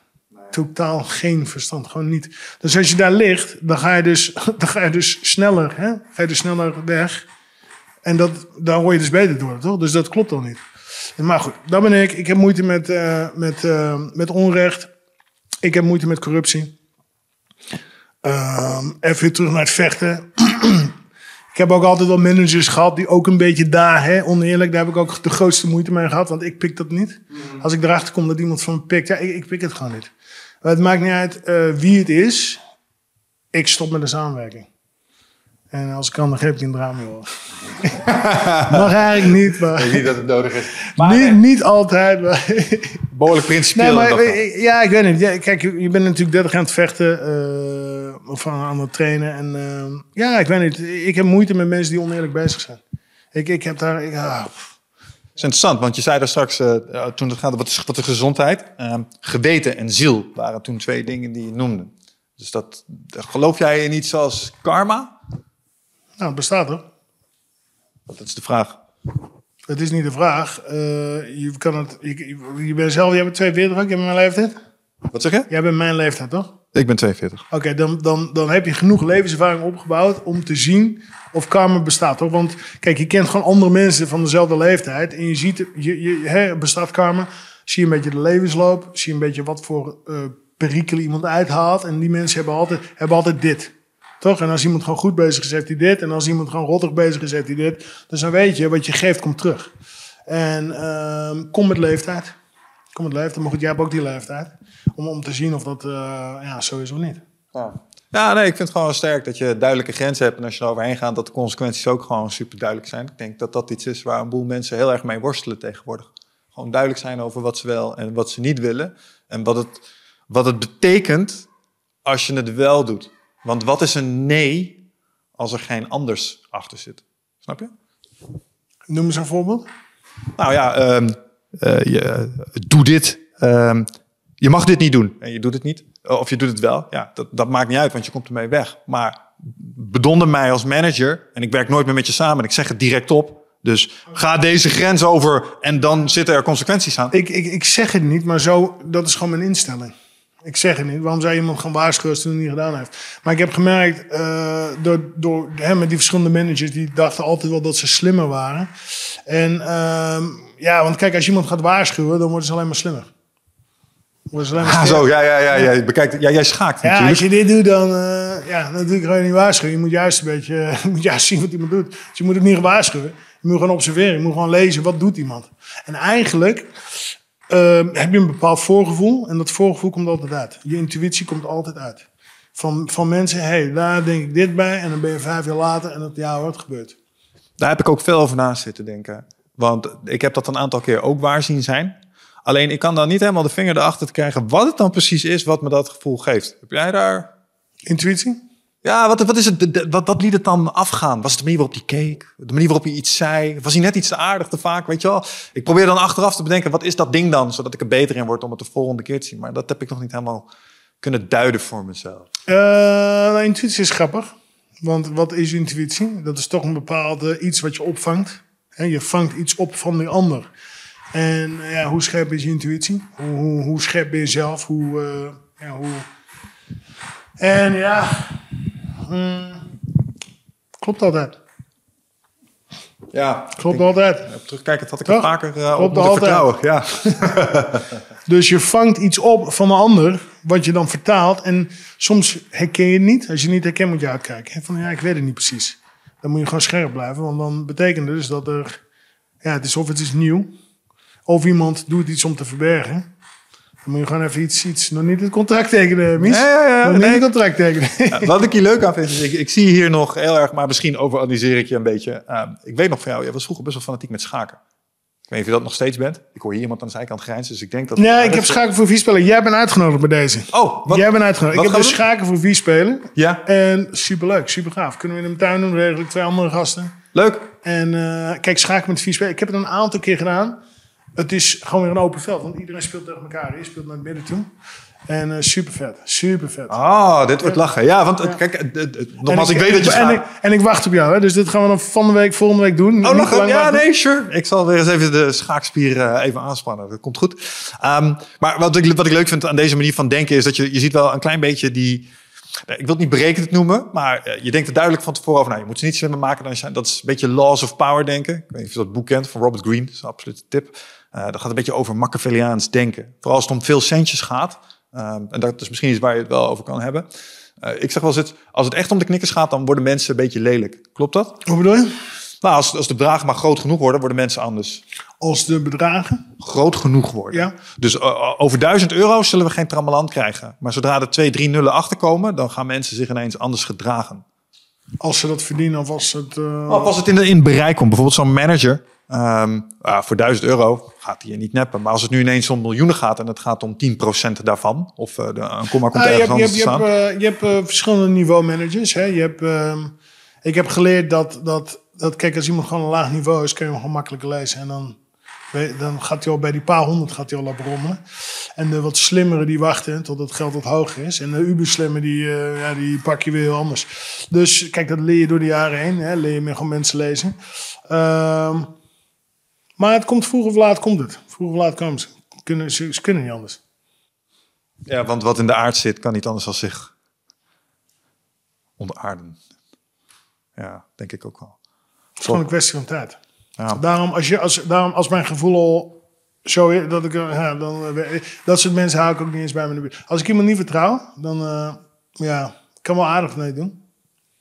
Maar Voor de rest, zie je later. Ja, ja, nee, het is ook beter, man. Eh, Dat is ook wel iets waar ik eh, beter in ben geworden naarmate ik ouder ben geworden. Is gewoon eh duidelijker durven kiezen in de mensen waar je wel en geen tijd mee spendeert. Ja, je weet toch dat je gezeik hè? Dus waarom zou je? Ja, dat is het dus wel. Oké, man. Ehm, hey, laten we het eens eventjes ehm, hebben als het gaat over karma misschien. Over wat je, je voorliggende ehm, partij. Want we hadden het over karma. Badder. Ik ehm, hoorde je laatst iets zeggen. In mijn prep was je bij een eh, andere podcast te gast. Hoe heet die boys nou? Ehm Lotgenoten podcast. Shout-out naar Lotgenoten podcast. Ehm, Leuk gast. ja, vond ik ook. Eh, en toen hoorde ik je iets zeggen en toen zei je van, ik snap niet waarom Badden nog vecht. Toen dacht ik, oh, dat is boeiend. Waarom vind je dat? Eh, nou ja, goed. Kijk, als je iets doet, wil je succes hebben. toch? Als je iets doet in je leven, dan, dan is het afhankelijk van het succes wat je daarin hebt.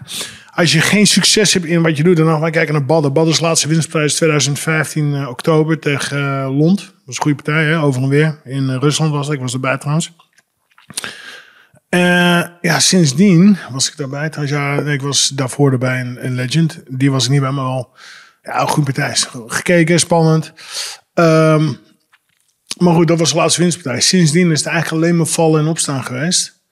En eh, ja, waarom, waarom, waarom doe je dat nog? Toch? Dat is een goede vraag. Ja, zal ik hem zelf eens een keertje Toch, want je wil succes hebben in wat je doet. Telkens afgaan en blessures en dit en dat. Dat, dat, dat is niet goed voor je mindset. Ben je, ben je bang dat het misschien ook met een domper afloopt als jullie tegenover elkaar staan in dat opzicht? Als je kijkt naar het patroon van de laatste tijd? Eh hou ik me niet zo mee bezig. Oké, sowieso... eh, Hm? Sowieso als je naar wedstrijden toe vecht, of eh, naar, naar Nou wedstrijden ja. toe aan het trainen bent. Ja, ik, ik train. Ik ben gewoon gefocust op mijn, op mijn ding. En voor de rest ja, is dat het is. Ja, omdat eh, ik kan me nog herinneren dat eh, voorheen was in de voorbereiding op partijen werd ook heel veel naar beeldmateriaal gekeken van eh, tegenstanders. Nou, ik kan me niet anders voorstellen dan dat je dat nu ook nog steeds doet. Wat er tof van is, is dat jullie staan een soort van 1-1 tegenover elkaar. Maar het is ook best wel lang tussen jullie laatste meeting en nu. Dus jullie zijn in dat opzicht ook compleet niet meer wie jullie waren toen jullie de laatste keer tegenover elkaar stonden. Ik ben wel even benieuwd hoe je in dat opzicht ehm, naar jezelf kijkt. Vooral. Wat is het grootste verschil tussen Alistair nu en Alistair de laatste keer tegenover Badder? Ja, dat was 2009, hè, december, compleet ander vecht. Ik kom een compleet ander persoon. Ehm, ja, gegroeid. Hè? eh, mentaal. De wereld over geweest, Amerika eh, gewoond. eh, eigenlijk woon ik nog steeds. En ja, de wereld gezien. Kein titel op zak. Hè, dat, dat, die had ik toen nog niet. Eh, UFC eh, achter de rug, veel geleerd ook in de UFC-tijd. Want UFC is gewoon eh, hoog niveau. Hè, ik krijg conditie, maar ook staand, ook grond, het hele riedeltje. Hè, bij Greg Jackson mogen trainen, in Denver met de jongens kunnen trainen. Dus ja, het is, het is eigenlijk tien jaar lang ontwikkeling geweest. En ehm, op alle fronten. Ja, ik kan me voorstellen dat, eh, gezondheid, Ehm, dat, dat vooral misschien eh, het aantal extra kilometers in termen van partijen draaien, ehm, denk je dat dat een groot verschil maakt? Gewoon de ervaring aan zich. Maakt zeker verschil. Maar Wat, wat merk je daar het meest mee? Ik, ik- als ik me dat probeer voor te stellen, hoe zou dat zijn voor Alice? Dan kom ik altijd uit op, het is minder spannend of eh, eng en daarom misschien minder energievretend in het moment nu. Klopt dat? Nee, nee, nee. Of is het nog steeds die, on- die onderwaterwereld? Ik heb het je wel eens horen omschrijven, lang, lang geleden. Als je gaat vechten, ga je even in een soort onderwaterwereld. Met Ja, omdat, eh, kijk, je, als je vecht, heb je adrenaline, je hebt spanning, publiek, miljoenen mensen. Dus het is, het is wel een bepaalde bubbel waar je in zit. En eh, tijd lijkt langzamer te gaan. Hè? Ja, concentratie is super hoog. Er is toch een, een, een, een eh, gevaar. Hè? Want je, ja, je gaat iemand slaan, iemand gaat jou slaan. Dus er is een, je, bent, ja, je bent in de zone. Dus dat, eh, dat, dat, dat heb je zelf wedstrijd gedaan trouwens? Zeker. Ja, was een wedstrijden, één MMA-partij onder Martijn. Oké. Ja, MMA, dat, dat is, eh, ja, moet ik zeggen, dat ben je ook wel een beetje dat gevoel opwekt. Want je kan verliezen, maar het moment dat er klappen bij komen, dat is weer een andere, andere facet. Ja. En, en dan moet ik ook wel zeggen dat er in de UFC bij het MMA nog het, het worstelaspect is. Ja, als je moe bent en iemand zit eh, je te slopen op de grond. En dat ken je ook wel, hè, van onze sparringssessies. Dat is een trauma. Nee. Precies, dus dat, dus, dus dat speelt mee. Dan heb je sowieso de klappen, de stoten, trappen. Vijf minuten rondjes. En ik, eh UFC Dana White, me altijd vijf keer vijf doen. Yeah, man. Fijne vent is het toch? Vijf keer vijf, let's go. Dus ja, de, goede ervaringen. Ja, snap ik. Doe me even denken aan een vraag die een van onze luisteraars eh, stelde. We hebben eh, op Instagram hebben we gevraagd: hey, wie wilde misschien wat leuks vragen? En een van de dingen die eh, werd gevraagd, ik heb mezelf ook wel eens afgevraagd. Ben je wel eens ehm, echt bezorgd geweest over je gezondheid tijdens de partij? Misschien zelfs wel zo bang dat van, jeetje, overlijden misschien of iets langdurigs? Is dat wel eens Nou, langs je geest? nee, ik, heb, ik heb een rugblessure gehad, eh, tien jaar geleden. En ehm, die was vervelend. En ja,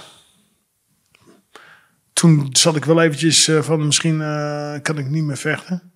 Want dan ga je een beetje andere dingen bekijken en, en ja, verkennen. Maar ja, ben goed gekomen na verloop van tijd. En gewoon knallen. Goed gerehabt, functie gevraagd en doorgegaan.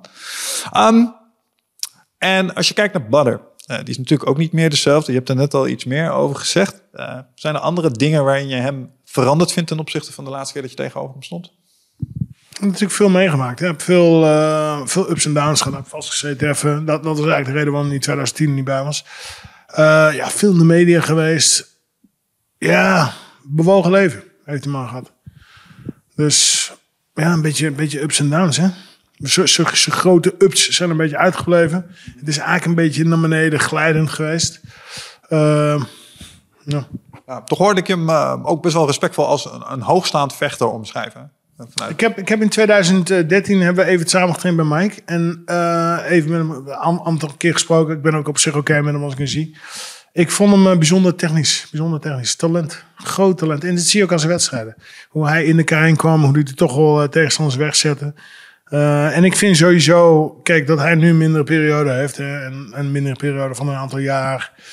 Ja, ik, ik ben niet zo van het... eh, meteen eh, slecht praten en dit en dat. Ik, ik bekijk het over het geheel. Wil niet zeggen dat ik hem ga sparen, want ja, hij gaat wel verliezen. Uh, 8 oktober. Ja, ik ga hem wel slopen. Sorry, Badder. Ja, het, het moet.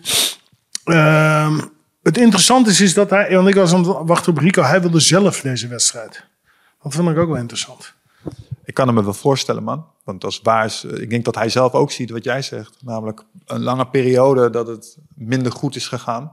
En als hij de held in zijn eigen film is, dan heeft hij een redemption nodig. Dus hij moet, hij moet eh, een gatekeeper moet hij aan. En ik denk dat jij in zijn hoofd die persoon bent. Maar als ik Alistair kan wegzetten, dan ben ik er weer, baby. Ik denk dat dat de logica is daar. Nou, Ik vind het eigenlijk heel dapper, want eh, het is niet, zo, Nee, nee, kijk, is niet maar- zomaar iets. maar aan de andere kant... ehm, ja, ja dus ik snap het ook wel weer. Ik snap het ook wel. Maar goed.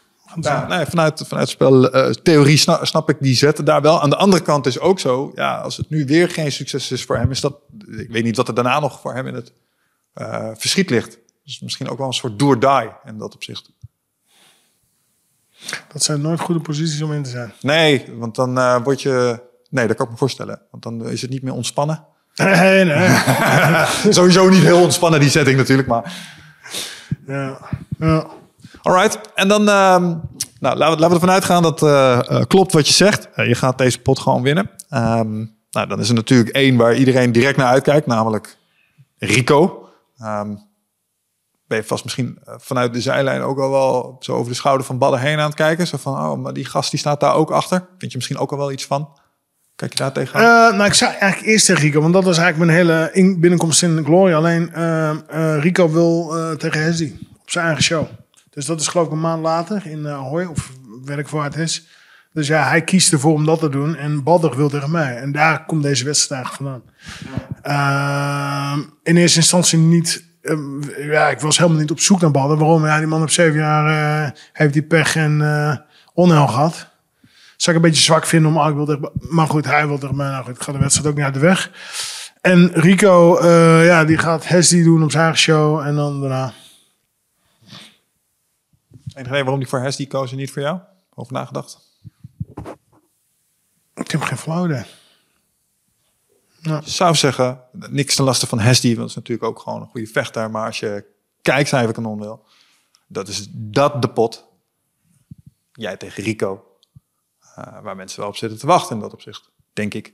Dus als je Ja. kaartjes zou willen verkopen, zou ik misschien zeggen, waarom niet de Ik, eh, ik, ik, ik kan niet. Ik, kijk, we praten niet. Hè. Ik praat niet met Rico, dus ik weet niet wat zijn. eh dat zou je aan hem moeten vragen. Waarom zijn agenda. Ja, zeker. is of, eh, Kijk even met de schuine oog naar Joost. Nodig hem vooral nog een keer uit. Dus, eh, nee, ehm, snap ik. Snap ik. Maar je, de, de, de, het is niet uitgesloten dat je uiteindelijk ooit nog een keer tegen die man eh, komt te staan. Ja, winnaar van deze pot gaat tegen Rico. Mooi. Top. Hoe, kijk je in dat opzicht trouwens tegen eh Rico zijn ehm, eh, huidige invulling van zijn carrière aan? Ik heb het daar in eh, twee podcasts geleden met Martijn ook wel eens over gehad. Eh, Rico bijvoorbeeld, die lijkt ook al veel eerder als jij, beduidend over de stippen van zijn vechtcarrière heen te kijken. Denk aan acteren.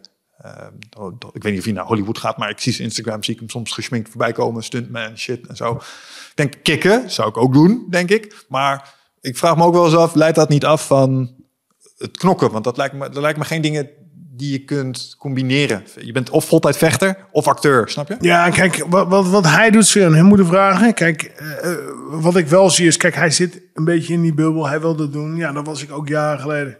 In Amerika was ik dan en ik heb dat Hollywood een beetje gezien.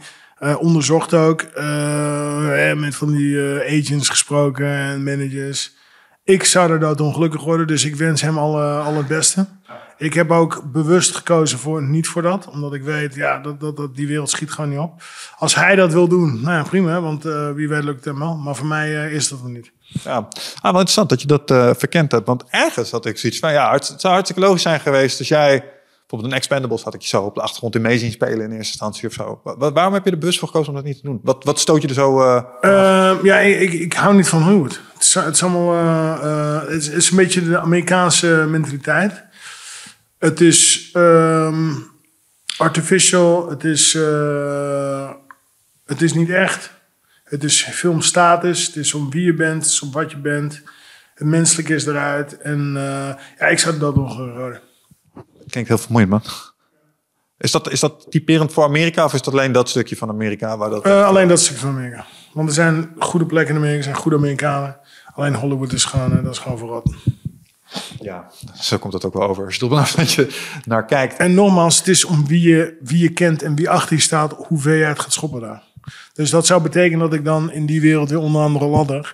En uh, nah, nah, dat is gewoon niet, mijn, gewoon niet mijn ding. Ik, ik, ik wist, daar ga ik heel ongelukkig worden. Dus lekker uh, skippen. Laat maar. Doen we wat anders. Hoe? Laat maar. Laat maar. Laat maar. Ja. Oké, okay, check man. Um, als we het nog even hebben over het um, stukje vechten. Je bent natuurlijk een uh, ervaren wedstrijdvechter. Je had het er straks ook over wedstrijdvechters misschien gaan uh, uh, opleiden. Stel je bent een uh, jong, ambitieus vechter en je luistert en je denkt, ja man, ik ga het ook doen. Ik ga lekker uh, ga lekker MMA vechten. Wat zijn typische vechtersvalkuilen waar jonge vechters in tuinen of waar je ze in hebt zien tuinen? Mm. Roem, geld, vrouwen. Gewoon geen discipline eigenlijk. Gewoon maar laten gaan. Toch ook een beetje het norm- en waardestukje. Veel over nagedacht de laatste jaar. Met, met, met vechters die je dan kent. Waarvan je weet, oké, die was dus niet zo bezig. Die zie je ook gewoon dit krijgen in, een, in de carrière. Um, ja, en, en als, je, als je blijft winnen, kan het een beetje uh, tussen je oren gaan zitten. En dan kan je een beetje vleugels krijgen, ga je opstijgen. En uh, dat, dat, dat is een gevaar bij jongeren. Dat, dat kan gebeuren. Maar goed, het ligt ook een beetje aan de mensen eromheen. Als de mensen eromheen om geankerd houden, dan blijft het lekker gewoon grounded. Hè? Uh, gewoon gegrond met de normen en waarden. En dan blijft het gewoon relaxed. Dus dat is eigenlijk wel iets wat ik geleerd heb. Dus jij wel eens moeten terugfluiten van... Uh, die man, zijn we uh, nu, jongen. Nou, ik ben ook gewoon op mijn bek gegaan. Hè? 2013, 2012, 13. Dan komt alles tegelijk. Blessures en dit en dat en verlies. En uh, alle, dan komt alles tegelijk. En dan word je weer eventjes, dan word je dus geground. en uh, ja, daar leer je van. Of je leert er niet van. Als je er niet van leert, geef je op je bek. Als je leert, dan kun hem, kun je hem voorkomen. Ja, dat snap ik. Ja, in dat kader kan, kan me vooral voorstellen dat um, het stukje ego. Want ik hoor je best wel. Uh, voor een vechter stiekem spirituele dingen zeggen. Want daar ben je volgens mij best wel druk mee bezig geweest. Um, de laatste tijd. Maar ik denk dat, dat voor een vechter het, het ego eh, een van de lastigste dingen wordt. Omdat vechten is, is- is- je wordt een soort Jedi, man. Als je jiu-jitsu leert, kan je trucjes die niemand anders kent. Het geeft je een soort, soort van kracht. En dat kan, zeker als je ook nog eens aan jezelf gaat bewijzen dat je de andere mensen mee aan kunt. Dat doet iets tussen je oren, denk ik. Dus dat stukje ego wordt heel erg gevoed daardoor. Ik hoor je er allerlei vind, eh, slimme dingen over zeggen. Ik vind de Brazilian Jiu-Jitsu vind ik een eh, uitstekende sport. Voor de jeugd. Eigenlijk zou iedereen daarom moeten.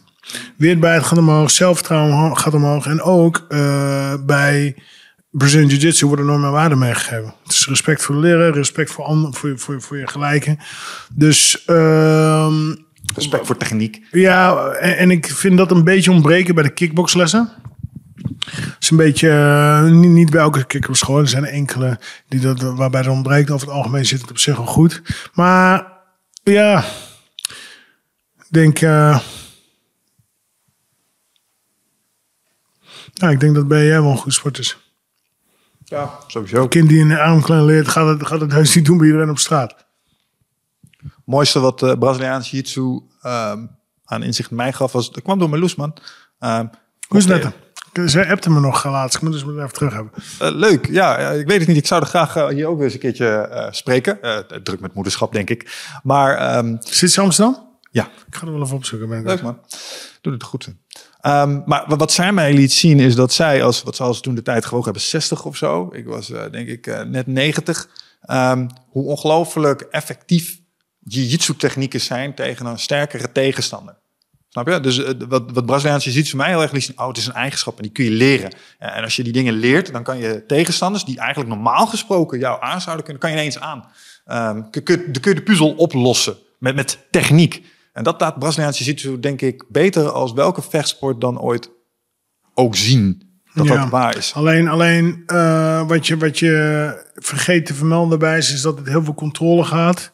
Eh, op je sportschool leer je dus heel voorzichtig de klem toe te passen. En als iemand eh, tikt, dan laat je hem meteen los. Dus het is allemaal op veiligheid. En het is eigenlijk, Brazilian Jiu-Jitsu is een zelfverdedigingssport.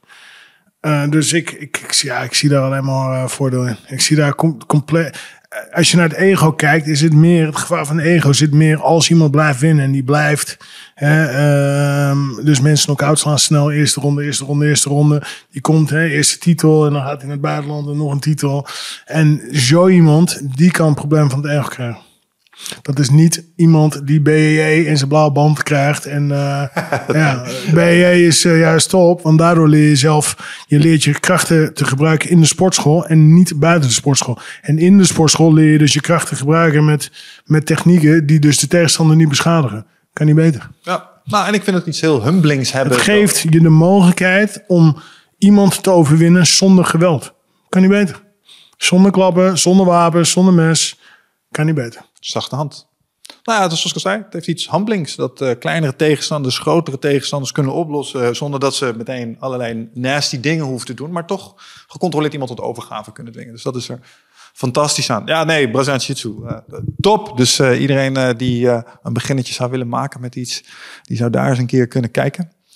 Ehm, als het gaat om ehm, het, toch nog even het stukje ehm, spiritualiteit. Eh, we kregen een. eh, ik heb twee vragen. Eerste wat ik zag was: eh, je was laatst bij Joop Kasteel voor een Reiki-behandeling. En dat vond ik sowieso. Ja, op Instagram. Ja, dat, Kan niet anders. dat klopt. Dat vond ik sowieso tof, want dat was niet iets wat ik direct achter, achter Joop had gezocht. Dus ik vind, ik vind het leuk dat hij, dat hij die kant ook opgaat en verkent. Ehm, maar de reden dat het zo onverwacht is, is omdat het wel iets, iets spiritueels, nou, zweverig wil ik het niet helemaal noemen, maar het, het heeft duidelijk iets spiritueels en met energie en dat soort dingen. Terwijl de andere kant waar we Joop van kennen is natuurlijk eh, eh, gewoon knokker. Zwarte parel. Ja, dus dat is een soort van Black Pearl. contrast, vind ik. Ehm, hoe kijk je tegen dat soort Ja, maar interventies dat, aan? eh, is dat niet het meest prachtige? Dus je hebt Joop. Joop was een vechter. Joop was gewoon iemand. Groot. Eerst deed hij dat bodybuilding. Daarna ging hij handje drukken. Volgens mij Europees kampioen zoiets. Nou, daarna is hij dus vechter eh, ingegaan. Hè. Sport Alle Zuid, Rings. Was hij toch een beetje het mannetje. Samen met Dick Vrij en samen hè, die, die lichting, die generatie. Eh, nou, zijn laatste wedstrijd gewonnen. Toch nog een titeltje gepakt, Rings. Daarna gestopt ups en downs ook in zijn, carrière. Oké, let op. Daarna wordt hij ziek. Kanker, bloedkanker had hij, een hele zeldzame. Daar is hij toevallig achter gekomen. En ja, die man is helemaal eh, op de gezondheidstoer gegaan. En gewoon diezelfde vastberadenheid die hij in zijn sport heeft gehad. En in het handje drukken en in de bodybuilder heeft hij gewoon in de gezondheid gestopt. En hij is er dus achter gekomen van, hé, hey, dit werkt. En ik wil andere mensen helpen. Ik vind dat uh, prachtig. Zijn leven is, uh, zonder, buiten dat het een heel fijn persoon is... Uh, met een bijzondere levensloop. Ups en downs, alles mee. Alles werkt nog. Hij is scherp. Uh, zijn vrouw Astrid is, is leuk. Samen hondje. Uh, hij geeft les. Hij is ook bezig met mensen beter te maken. Omhoog te halen. Nu heeft hij dan dat reiki erbij.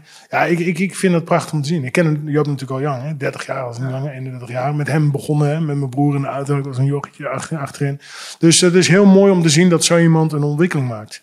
En uh, ben nog steeds bijzonder goed met hem. Door de jaren altijd wel geweest. Hij is naar wedstrijden mee geweest. En, ja, en uh, ik uh, moet zeggen dat ik... wij vonden elkaar daar weer. Want ik ben natuurlijk ook een beetje die kant op. En hij ook. Los van elkaar. En dat, dat was dus wel leuk met, met Joop. Het lijkt wel alsof iedereen die wat ouder wordt op een gegeven moment toch een beetje... Alsof we het heel lang hebben genegeerd. En het was er altijd. En nu moeten we met z'n allen er eventjes naar kijken of zo. En daar een soort van ik weet niet, inhaalslag in doen of zo? Nou, kijk, uh, op een gegeven moment kom je op een leeftijd waar je realiseert dat het dus meer is. En voor iedereen is dat moment anders. Voor iedereen is die, die leeftijd ook anders. Ligt aan leven, ligt aan uh, hoe verzorg je jezelf, hoe verzorg je je lichaam. Uh, kijk, het moment komt, je merkt dat er meer is. Ja, ik ben iemand, hey, ik ga wel lezen, ik ga me daarin verdiepen. En uh, ja, Joop ook, op zijn, op zijn manier. En ja, nogmaals. Maar goed, ik zie dat bij meerdere vechters, trainers over de hele wereld. Van hé, hey, die is wakker geworden, die zoekt het een beetje in die hoek. Ik zoek het zelf in die hoek. En dan vind je elkaar toch weer. Het is toch een soort van tweede helft of zo, zo zie ik het. Ja, ik vind het wel mooi dat je daar gewoon ook open over bent. Omdat ik... Um, soms merk ik bij mezelf een bepaalde terughoudendheid... om het daar zomaar met iedereen over te hebben. Omdat het toch ook wel een bepaald stempel krijgt. Als je het gaat hebben over uh, is meer. Uh, Hoe? Er is meer, er is, er is energie. En uh, Reiki gaat over het manipuleren van energiestromingen en dat soort dingen. Nou ja, manipuleren klinkt slecht. Oké, okay, nou, het, hoe zou je het dan verwoorden? Um, het gebruiken van energiestromen om, te, om mensen energie, te genezen. je energiesystemen in je lichaam herstellen, okay. helen. Cool. Zo Want als ja. dat onregeld is, dan werkt je systeem niet goed. Dat ja. is precies wat Joop doet. Sure. Um, en, en um, ik denk dat dat uh, fantastisch is. Maar ik denk ook dat als je het tegen iedereen, uh, zomaar iedereen vertelt, dat sommige mensen ook wel een beetje. Mm, mm, en het is in dat op zich een on onderwerp waar ik in ieder geval bij mezelf een bepaalde. Nou, ik laat niet altijd het achterste van mijn tong erin zien. Snap je? Um, en ik vind het heel tof dat jij daar nu iets, iets meer over vertelt. Um, je zegt er, er is meer. Hoe, hoe, zie je dat nu inmiddels? Als je kijkt naar Alistair, de mens in dit bestaan, in dit leven. hij gaat straks dood. Um, wat, is je, wat is je visie die je daarop hebt inmiddels? Je stelt hele open vragen en dat is heel goed. Maar als jij iets specifieker kan zijn, kan ik iets. Nou, voorbeeld: um, leven na de dood. Als je zegt er is meer, denk ik direct aan het uh, hiernamaals, uh, een, een ziel hebben, teruggaan naar iets groters. Ik weet niet precies wat dat dan moet zijn, maar dat zijn de dingen waar ik het uh, mee associeer. Is dat iets wat jij dan bedoelt als je dat zegt? Nou, ik zeg dat niet. Toch? Want ik praat daar niet over. Althans niet met jou. Maar ik heb het niet over wat er na de dood gebeurt. En sterker nog, ik weet dat niet precies. Want ik leef nog en ik ben niet dood geweest. Dus ik kan er niets over zeggen op dit moment. Okay. Ik denk best wel vaak na over doodgaan namelijk. Dus vandaar, ik merk dat dat voor mij een belangrijk... Wat dat gaat gebeuren. Wat ik denk dat er gaat gebeuren. Ja. Twee gedachten. Ik, wat ik hoop dat er gebeurt, wat ik denk dat er gebeurt. Ik denk dat het, het lampje gewoon uitgaat en dat het klaar is. Denk ik. Verstandelijk. Maar ik hoop dat ik terugga naar iets groters en dat dit een ritje is wat je nog een keer opnieuw kunt maken in een andere vorm. En dat je iets overhoudt van wat je hier allemaal hebt opgedaan. En dat je dat meeneemt, zoals uh, het volgende rondje, een iteratie in een, in een computerspel. En dat sluit heel erg aan bij iets wat ik heb gezien uh, in, een, in een visioen dat ik in een ayahuasca-ceremonie heb gehad. En ik, mijn hoop, mijn stelligste hoop is, maar het lukt me nog niet helemaal om mijn rationele ego ervan te overtuigen, is dat dat het is. Want dat zou heel geruststellend en heel fijn zijn. Laat ik het zo zeggen, ik ben er totaal niet bang voor. Totaal niet. En ik uh, geniet gewoon uh, van elke dag. Ja. En ik vind angst, ik, ben, ik, ben, ik heb sowieso geen angst. Lijkt alsof ik dat woord uh, niet, niet, niet ken. Ik voel wel spanning, oh nu gaat er wat gebeuren. Maar angst, ja. Um, Nee, kijk, het, leven is prachtig en de dood is ook prachtig. Dat is een beetje ik erin sta. Weet ik dat? Nee. Heb ik daar herinneringen aan? Nee. Maar goed, uh, wat een goede, voor jou zou kunnen zijn is... en dat is eigenlijk elke religie en elke spiritualiteit... en er zijn heel veel boeken over geschreven. Uh, ga dan lezen en dan, dan komen er verschillende versies komen. En um, ja, tenzij je terechtkomt in de Bijbel met de hel... maar voor de rest is het eigenlijk allemaal positief. Ja, dat is trouwens wel waar, want uh, het klopt. in die zin dat vooral het christendom is heel streng over de invulling van je leven... Aan de andere kant, je kan het eind sorry zeggen en dan uh, komt het allemaal nog weer goed. Um, maar in, in, de andere stromen is het over het algemeen. Het is een leerschool en je vloeit terug naar iets groters. En nou ja, wat ik al zei, hopelijk bekleeft er iets van hier. En neem je dat mee, want het zou zo zonde zijn als dit allemaal voor niks was. Dus als het echt, echt het lampje uit is, ja, dan word je soms een beetje nihilistisch van, denk ik. Maar ik denk daar wel eens over na. Dus nou ja, leuk in ieder geval dat jij daar zo af en toe ook mee bezig bent. Um, denk ook inherent aan ouder worden. Ga een beetje nadenken. Mijn moeder is uh, 67. Was gisteren nog met me mee wandelen. Ze had de enkel gebroken op drie plaatsen. En uh, toen, ja, toen schoot toch wel... Ja, ze viel van mijn trap af bij mij thuis. En uh, op dat moment realiseerde ik van... Hey, shit. Ze is toch wel een beetje breekbaar. Enkel gebroken, ambulance erbij. Men in het ziekenhuis. Mocht weer niet mee in de ambulance. Corona, nonsens. Nou, moeilijk doen, ja. Um, en haar herstel duurde lang. Want dat gebeurde in januari en ze loopt eigenlijk nu pas weer. En dat is een beetje leeftijd, een beetje levensstijl. Maar uh, ja, heb ik ook precies hetzelfde gesprekken mee. Over dood en dingen. En ze begint nu, toch een beetje uh, daar druk om te maken. Ja, toch een beetje voor, voor stress. Terwijl, ja, Bij mij zit dat in de hand zo, is dat zo niet aanwezig. Ik ben zo relaxed eronder. Komt, komt wel goed. Ja, dat komt het sowieso. Dat zijn van de weinige dingen waar je echt druk om over te maken. Dat komt sowieso uiteindelijk voor elkaar. Dat gaat iedereen een keertje meemaken. Um, duidelijk. In het verlengde daarvan, um, weer een vraag van uh, een van de mensen van uh, Instagram. Um, en ik weet niet of het helemaal uh, in het verlengde ervan is, maar ademhalingstechniek. je werkt momenteel samen met een ademhalingscoach. En op een of andere manier associeer ik ademhaling met... Wim, Wim Hof. Sowieso, maar er was nog een andere meneer wiens naam ik even onschiet. Misschien kan jij even kijken, Joost. Maar als we kijken naar ademhaling um, en het effect wat het heeft gehad op jouw vitaliteit, resultaten. Um, Rick van Dijk. Oh, Rick van Dijk, ja. ja. Ademhalen. Wat, uh, welke rol speelt het momenteel nou, voor? Goed, het is, het is, dat is ook weer dus zoiets. wat heb je als belangrijkste nodig? Zuurstof. Want zonder een minuutje, als je nu je adem inhoudt... Zeker man. Ik, ik snap niet, Maslow, later, ben ik game over. Maslow snap ik niet. Dat, dat mist iets. Maslow hoeft hiërarchie, weet je wel. Je hebt onderdak, eten, er zit nog een laagje onder. En dat is zuurstof. En als je heel flauw plaatje, dan staat de wifi. Maar ja, nee, klopt man. Uh, geen steek van nee man. Help mij herinneren dat ik je straks nog even uitnodig voor de land. Nee, even kijken. ja, ademen. Dus, dus, dus, en daar valt, daar valt winst in te balen. Als je dus bezig bent over gezondheid en over uh, eigen verantwoordelijkheid nemen over je gezondheid, dan hoort ademen en krokt ademen. Uh, ja, dat is een onderdeel van. Net als voeding, net als uh, hydratatie, net als. Dat zijn de verschillende facetten van. Ik wil, ik wil oud worden, ik wil gezond zijn, ik wil sporten, ik wil gewoon mijn ding doen. Dan wil je dat op orde hebben. En laten nou precies al die dingen zijn waar de overheid het niet over heeft. Over de positieve effecten van deze. Nee, gewoon over wat gezondheid is. Dat is precies wat ik net benoem. Ademen, hydratatie, water drinken, voeding, beweging, sociaal. En dat is precies uh, waar de overheid het niet over heeft. Eigen verantwoordelijkheid nemen over wat je zelf kunt doen. Ik denk dat dat sowieso het allerbelangrijkste is. Want ergens vind ik ook dat je als. Ik vind dat de overheid er een rol in heeft. Uh, bijvoorbeeld voedingscentrum.nl verkoopt absoluut onzin zo en toe. Punt. Dus de, de, kwaliteit van de informatievoorziening kan beter. Aan de andere kant geloof ik ook, wat je zelf ook zegt, ja, luister man, iedereen heeft Google. Hoezo kan je niet, snap je, zelf een klein beetje effort steken in achterhalen wat wel of geen goede dus, dus, dus je gaat wel, zeg maar, uh, eigen initiatief tonen in het achterhalen van de informatie. Toch? Ja, zo heb ik het altijd wel gedaan, ja. Maar, uh, maar je mag niet naar buiten.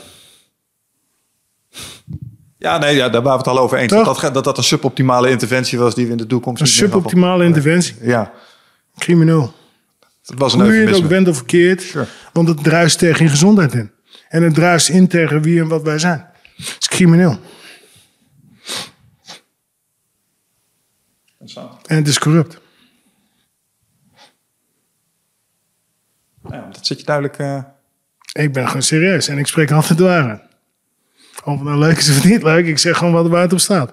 Ja, nee, duidelijk. Ik, uh, kijk, wat ik... Um, ik herken het en ik snap, ik snap de frustratie ook. De spagaat waar ik altijd direct in terecht kom alleen. Ik heb geen frustratie, laten we dat wel wezen. Ik doe gewoon mijn ding. Ik ga gewoon door. En kijk, de mensen die om mij heen zitten, met hun ga ik gewoon lekker trainen. En uh, voedingsschemaatjes, ja, dingetjes. Dus ik doe zeg maar wat ik kan uh, in mijn cirkel om gewoon mensen wel op te liften. En ik trek me er niks van aan. Door de bocht denk ik dat dat de allerbelangrijkste les is geweest in de laatste twee jaar. Eigen plan trekken. Dus ja, nee, eens. Als ik nu weer aan het begin van de pandemie werd gezet, zou ik daar waarschijnlijk ook anders in zitten. Halen wel. ik weet het niet. Ik weet het niet. Ik vind het wel lastig, want ergens vind ik ook wel, ik voel nu ook een behoefte om een soort van terug te drukken tegen je, omdat ik weet, ik heb hier mensen in de podcast gehad en dat zijn echt fucking slimme mensen. Dat zijn gewoon uh, de chief van Chivo bijvoorbeeld. Is een, uh, is een vitaliteitsinstituut. Die gast die beheerst de kunst van wetenschappelijke onderzoeken doorspitten op een manier die jij en ik nooit zullen beheersen. Dat is een studie op zich. En als ik dit tegen hem zeg, zeg ik, ja, maar luister eens, Mies, moet even opletten. Het heeft wel degelijk wat gedaan in de hogere regionen en dat soort dingen. Uh, als het gaat om de mensen in de risicogroepen, er was een effect van die lockdown. Dus ergens hoor ik jou, je zegt, ja, het was crimineel. Denk, ja, ja, als je het zo zegt, klopt wel. Maar ik heb die kennis ook. En ik vind dat soms weet ik even niet zo goed welke houding ik daar ten opzichte van weet, weet je, weet je wat het probleem is, Mies? Weet je, uh, dit is dus het probleem. Kijk, er zijn bijvoorbeeld ook geldstromen geweest naar dat soort personen en bedrijven. Die hebben een envelopje gehad.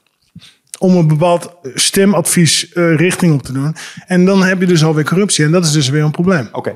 dat ben ik met je eens dat dat op dat een heleboel dus onderdelen een gebeurd is. Ik weet alleen niet of het bij Chiba is. Dat wil ik wel even gewoon uh, voor hem gaan staan. Valt ook niet te controleren. Want nee. uh, ja, hoe, hoe, hoe ga je erachter komen? Als iemand tegen mij zegt, ja, je moet binnen blijven. Dan vraag ik, ja, waarom? Ja, om dit, is en zo. Je, je doet het van al, allemaal nonsens allemaal. Allemaal nonsens. Wat maar jij, bent, jij, bent, jij bent volledig erin getrapt. Maar ik, je gaat ja, ja, zo, hey, luister man, ik ga, ik ga niet liegen. Ik vond het echt fucking spannend. Ja, je had, je had uh, die films in je achterhoofd. Hoe heet die ook weer? Uh... jij, snapt, jij snapt hem, jij snapt hem. Nee, maar dit, zo leg ik hem altijd uit. Zo leg ik hem altijd uit. Als mensen zeggen, ja, COVID, waarom vond je dat zo eng, man? Ja, ik heb vroeg Outbreak gekeken. Ik heb vroeg Outbreak gekeken. En dit leek op fucking Outbreak. Ah, en voor de mensen die het weten, film uit de jaren tachtig... waarbij er een soort uh, apenvirus over de wereld gaat. Ja, en uh, wat echt, echt dodelijk was. Um, en daar ben ik achteraf weg wel over eens. Als je kijkt naar uh, COVID, sterftecijfers, vooral in mijn leeftijdsregio, ben ik er te bang voor geweest. Ik persoonlijk ben er te bang voor geweest. Angst is ook stress, hè? Stress Zeker, man. verlaagt jouw immuunsysteem. Oh, 100%. Dus als jij stress hebt, dan word jij vatbaarder voor bullshit. Ik heb trouwens geen corona gehad. Uh, ja, ik heb het niet gehad. Niet bang. Ik doe gewoon mijn voedingsdingetjes. Ik ben heel dicht bij mensen gehad die corona hebben gehad. Mijn, mijn partner destijds had het, heb ik twee keer gehad. Ik uh, doe gewoon mijn ding. Niet gehad. Toeval? Geloof je in toeval? Dat is, dat is een hele, ja, hele goede. Bestaat toeval of niet, Mies? Oeh, um, dat weet ik niet. Dat, uh, nou, je wou het er niet met mij over hebben, dus ik weet niet of we het uh, daarover kunnen hebben. Maar dat suggereert dat er iets van een maker is. Als toeval niet bestaat, dan, dan suggereert dat dat er een vooropgezet plan was. Want dat is wat geen toeval, dan is het vooropgezet. En dat, en dat betekent dat er iemand was die dat bedacht heeft. En dat betekent dat er iemand is die dominion heeft over deze realiteit boven jou en mij. God noemen we dat ook wel. En ik weet niet of ik God bewezen acht. dus, um, maar ik geloof wel in determinisme. En dat betekent actie-reactie. Dus alles wat er nu gebeurt, kan niet anders dan zo gebeuren. En is lang, lang geleden al in gang gezet. Ik denk alleen dat... De... En over wat hebben we nu precies? Het, het leven in algemene oh, zin. Leven, ja. Dus het feit dat, dat jij nu iets denkt uh, en tegen mij zegt... Um, dat is honderden jaren geleden, de tienduizend miljoenen jaar geleden is dat al begonnen. Het kan niet anders dan zo lopen, want jij bent de informatie tegengekomen die wij hebben tegengekomen. Ik de informatie. We zitten nu op een bepaalde manier in ons veld. Het is een bepaald weer. We hebben wat gegeten vanochtend en dat alles bepaalt wat er nu uitkomt. En daar geloof ik wel in. Dus uh, dat betekent dus dat toeval niet bestaat, zoals jij dat zegt. Toch, dat betekent Correct, dus dat het ja. al een soort van vaststaat. Toch? Met als nuance dat er geen groter plan is. En daar zit dan voor sommige mensen, ja, maar stel, Dat is een creator. Uh, sommige mensen denken dat we in een simulatie zitten. Maar dan denk ik altijd, ja, maar wie is de programmeur dan? Als je moslims uh, spreekt, die geloven er zeker in. Het religie is hier in Nederland wat dan de hele laatste tijd. Maar moslims, die, uh, die weten voor zeker van wel. Die weten zeker dat dit... Die weten zeker dat het een schepper is. Ja, zeker. Ja, met, die zijn daar zeer stellig in. Klopt. Maar goed, dat is, dat is een individueel iets. En iedereen staat er weer anders in. En iedereen uh, kan het voor zichzelf uitzoeken. Uh, ja, ik geloof wel in niet. Zeer zeker. Ja, en ik moet zeggen dat ik nu uh, inmiddels ook ervaringen heb. Mede door psychedelische middelen. Die me daar wel echt... Ehm, ik ben een denker, man. Ik zit altijd in mijn hoofd. Maar daar heb ik dingen gevoeld. Jij, jij moet bewijs hebben. Ik moet bewijs hebben. Nuchter ja, en daar heb ik oog in oog met dingen gestaan die ik gewoon tot op de dag van vandaag. Ik denk daar nog vaak aan, man. Ik denk daar nog vaak aan. En dat heeft indruk gemaakt. En uh, dat kan ik nog steeds niet helemaal rijmen met dat rationele. Dus ik sta open voor het feit dat er iets is wat ik gewoon niet kan bevatten. Wat ik niet kan snappen. Maar wat ik wel gewoon, het, was het toch? En ik kan wel zeggen, ja, was, je was aan het trippen, mies. Maar dat is niet wat er van over is gebleven, man. Het had een onlosmakelijk effect op mij. Dus dat kan ik niet zomaar even wegwuiven als een paar... Uh, bestandsdelen die iets deden met neuroreceptoren of zo. Dan zou ik het, geen, uh, dan zou ik het tekort doen. Dus eigenlijk wat je me zegt is dat je weet dat er meer is, maar je weet niet wat het is. Exact. Maar ik vind het wel een soort... Um, ik vind het wel belangrijk om het uit te puzzelen. Dus... Uh, Iemand erachter zien komen. Ja, vind ik, vind ik wel een soort... nou, plicht wil ik het niet noemen. Maar misschien... Het, het heeft wel een fascinatie voor mij. Het trekt me, dat soort vragen. En toen ik voor de eerste keer de rant van Joe Rogan hoorde over de DMT vertelt hij tijdens zo'n radioprogramma, telt hij of dacht ik, shit, dit, is, dit liggen je antwoorden of zo. Het vertelt je iets wat je niet kan bevatten, maar het gaat wel over de grote dingen. Zoals, uh, wat doe je hier eigenlijk en uh, hoe zit dat nou met doodgaan? En, uh... Ja, ik vond het super vet. Ik vond, want mijn, mijn ding was 98, had ik het gedaan. En ja, dat was vet. Je krijgt toch bepaalde inzichten, voor iedereen is wel anders. Maar het is, ja, het is, en ik wil het ook in Amazone gaan doen.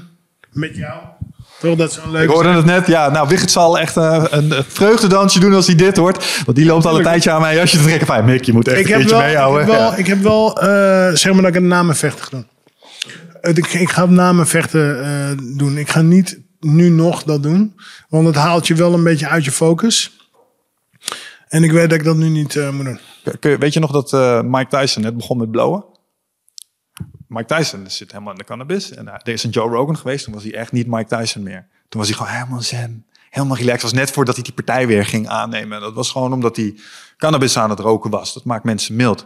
Ayahuasca zit een klein beetje in dezelfde familie. Het zijn plantmedicijnen. Die doen denk ik hetzelfde met je. Die halen die agressie. Er komt nooit iemand opgefokt uit zo'n ceremonie weglopen, snap je? Dus ik denk dat dat misschien een stukje filijner uit had... wat jij nu niet kan missen om te doen wat je moet doen. Juist die snap ik helemaal. Want we gaan natuurlijk wel die jongens even slopen. En daarna dan, uh, kunnen we ons ding doen. Maar nu ik, ik vind jou zo'n uh, zo'n hitman, jongen. Als je daarover praat. Ja, sorry, Bad, het moet gewoon gebeuren. Maar we gaan het gewoon doen. Dat is ook geen... Het is zo. Ik heb, ik heb geen hekel aan die gozer. En uh, sterker nog, hij is, een, hij is een voorbeeldfunctie geweest. Uh, in het begin van hoe het wel ging en later van hoe het niet moest. Maar ik, ik kan hem waarderen voor wat hij gedaan heeft. Uh, ja, ik ben niet zijn vriend of zo.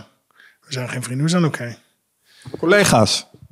Ja, ja. ja dat is My brother from another mother. Het is toch een vechten. Uh, we hebben toch het twee keer gedeeld. We gaan er drie keer, maar toch de Japan meegemaakt in, in de hoogtijden. Dus uh, ja. Ik denk dat ik meer met hem uh, gemeen heb dan, dan dat we verschillend zijn. Ja, denk ik ook. En, en sowieso, het, het, heeft ook wel in, hoe zeg je dit, iets intiems om te vechten met iemand. Voor, voor zo'n publiek. Het is toch een, een ervaring die je neerzet, die je nooit meer gaat vergeten. Die een hele grote impact op je leven gaat hebben bij allebei. Of je nou wint of verliest, het gaat een effect hebben. En dat doe je toch met z'n tweeën. En of het nou een toppartij wordt of een rukpartij, dat, dat bepaalt jullie chemie samen. Ja, ja. ja dat gaat leuk worden. Ja, mooi man. Eén dingetje wat ik nog wil weten is... Um, uh, in mijn vormende vechtsportjaren was Pride natuurlijk helemaal een, uh, een ding. Uh, je had het net over Japan in de hoogtijdagen, de K1. Um, nu is MMA op het niveau waar we toen erover fantaseerden, nog op mixfight. Dus oh, als MMA toch eens mainstream zou worden, en dan zouden topsponsoren op afkomen en dan uh, kunnen vechters er echt een salaris mee verdienen en zo. Hey, dat is allemaal waar geworden. Ehm, toch heb ik wel eens het gevoel dat als ik kijk naar die oude dagen van Pride, maar dat zou het oude kunnen zijn en dus dat dingen die vroeger zijn altijd toffer waren. Maar hoe heb jij dat beleefd als iemand die in Japan is geweest daar op de hoogtij en nu ook in Amerika is geweest? Ik had het gevoel dat het in Japan gekker was. Japanse shows waren eh, bijzonder, waren mooi.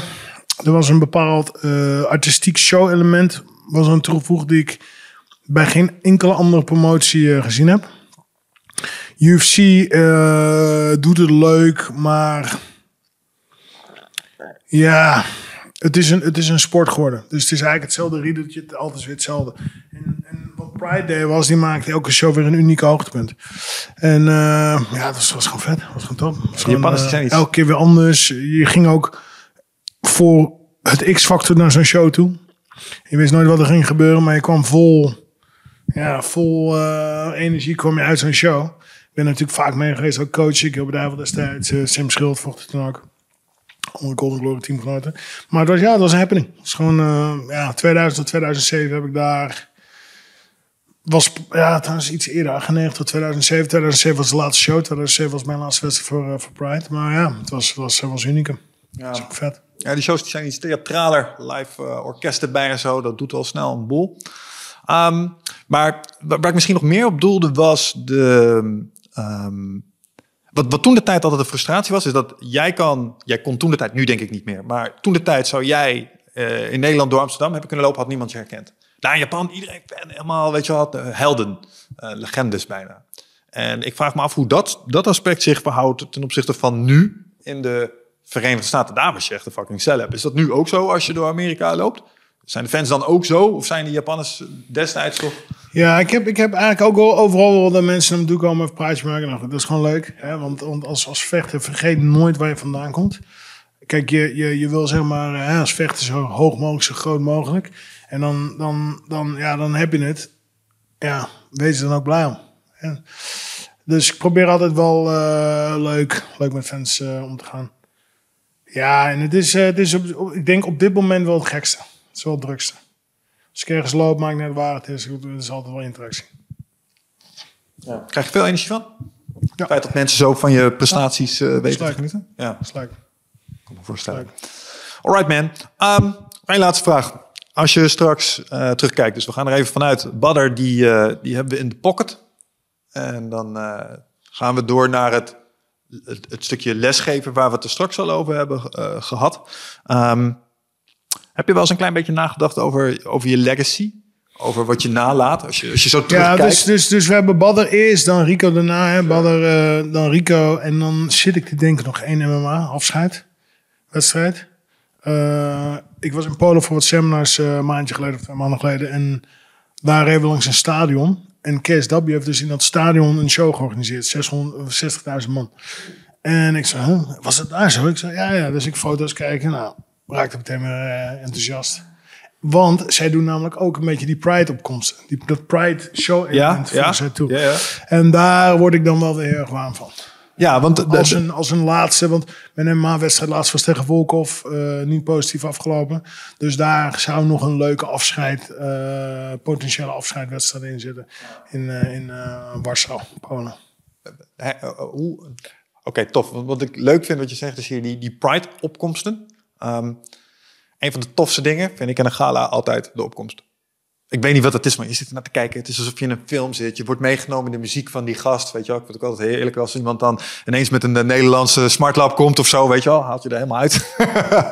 um, maar um, de opkomst aan zich.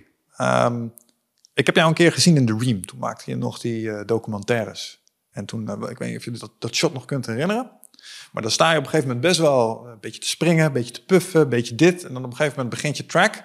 En dan gebeurt iets en het is ineens de andere Alistair. Is dat, een, is dat een bepaald moment wat je daar echt meemaakt? Was dat, lijkt dat alleen maar zo? Of hoe ervaar je dat zelf? Nou, het is gewoon focus mode. Um, ja. Kijk, je doet het, dus je denkt niet echt over mij. Kijk, jij bent natuurlijk, je analyseert het en jij wil natuurlijk... Uh, maar ja, ik doe het gewoon en uh, het is wat het is, zeg maar.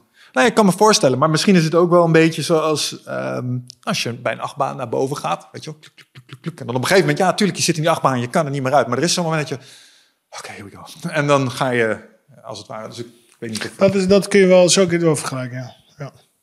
ja. Hey, ehm, laatste dingetje als het ging om je, om je toekomst. Eh, ik dacht heel even, eh, gaat hij nou een, een nestootje doen? Ehm showworstelen. Je stond ergens op een poster. Eh, het zou vandaag zijn, als ik me niet vergis, of gisteren. Ja, ja. Eh, is, was dat echt oprecht iets eh, wat je overwoog om te gaan doen? Nou ja, de organisatie die wilde van alles. En die had me al op de post gezet. Oh, ik weet ook niet. Ehm, dus ik, ik weet eigenlijk niet echt precies hoe dat tot stand is gekomen. Dat, dat, het management is daarmee bezig. Die is dat aan het oplossen. Want het is natuurlijk heel rommelig geweest. Dus ja, ik, weet- ik weet ook niet. Nee, oké. maar showwrestelen aan zich hoor ik je niet keihard nee tegen zeggen. Nee, nee, op zich niet. En ik heb dat ook wel een beetje getraind, eh, geoefend, gedaan. Het is op zich wel grappig. Ehm, niet echt mijn ding. En sowieso, dan ga je dus weer naar Amerika toe. Dat is, dat is dus hè, dat, dat, dat, dat, dat WWE, eh, WWF eh, ding. Maar goed, ja, je houdt je ogen en oren open en ja, je kijkt gewoon. Misschien nog wel zwaarder als MMA, man. Als je kijkt naar de stunts die gasten soms doen. Als je veel impact krijgt. Het is niet zwaarder maar Nee, valt mee.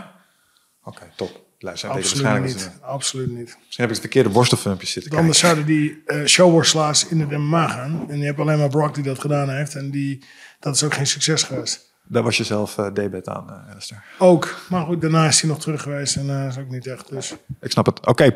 check. Duidelijk. Um, aan de ene kant, ja, het lijkt me, lijkt me cool. Als je uh, showworstelpartij uh, zou draaien, kun je terug. We gaan kijken. We ja, gaan kijken. Demolition Man weer terugbrengen. Kunnen we de hamer weer uh, tevoorschijn trekken. Te gek. Um, Alistair, ik denk dat we de uh, belangrijkste dingen wat mij betreft uh, wel besproken hebben. Uh, sowieso te gek dat je hier weer eens uh, een keer wilde zijn. We gaan maar eens een keer beginnen met uh, vier persoons uh, chess. Gaan we doen. En dan kijken we wel eens even waar dat schip verder stand. Thanks dat je er was, jongen. Luisteraars, bedankt voor het luisteren weer. En tot de volgende keer. Ciao.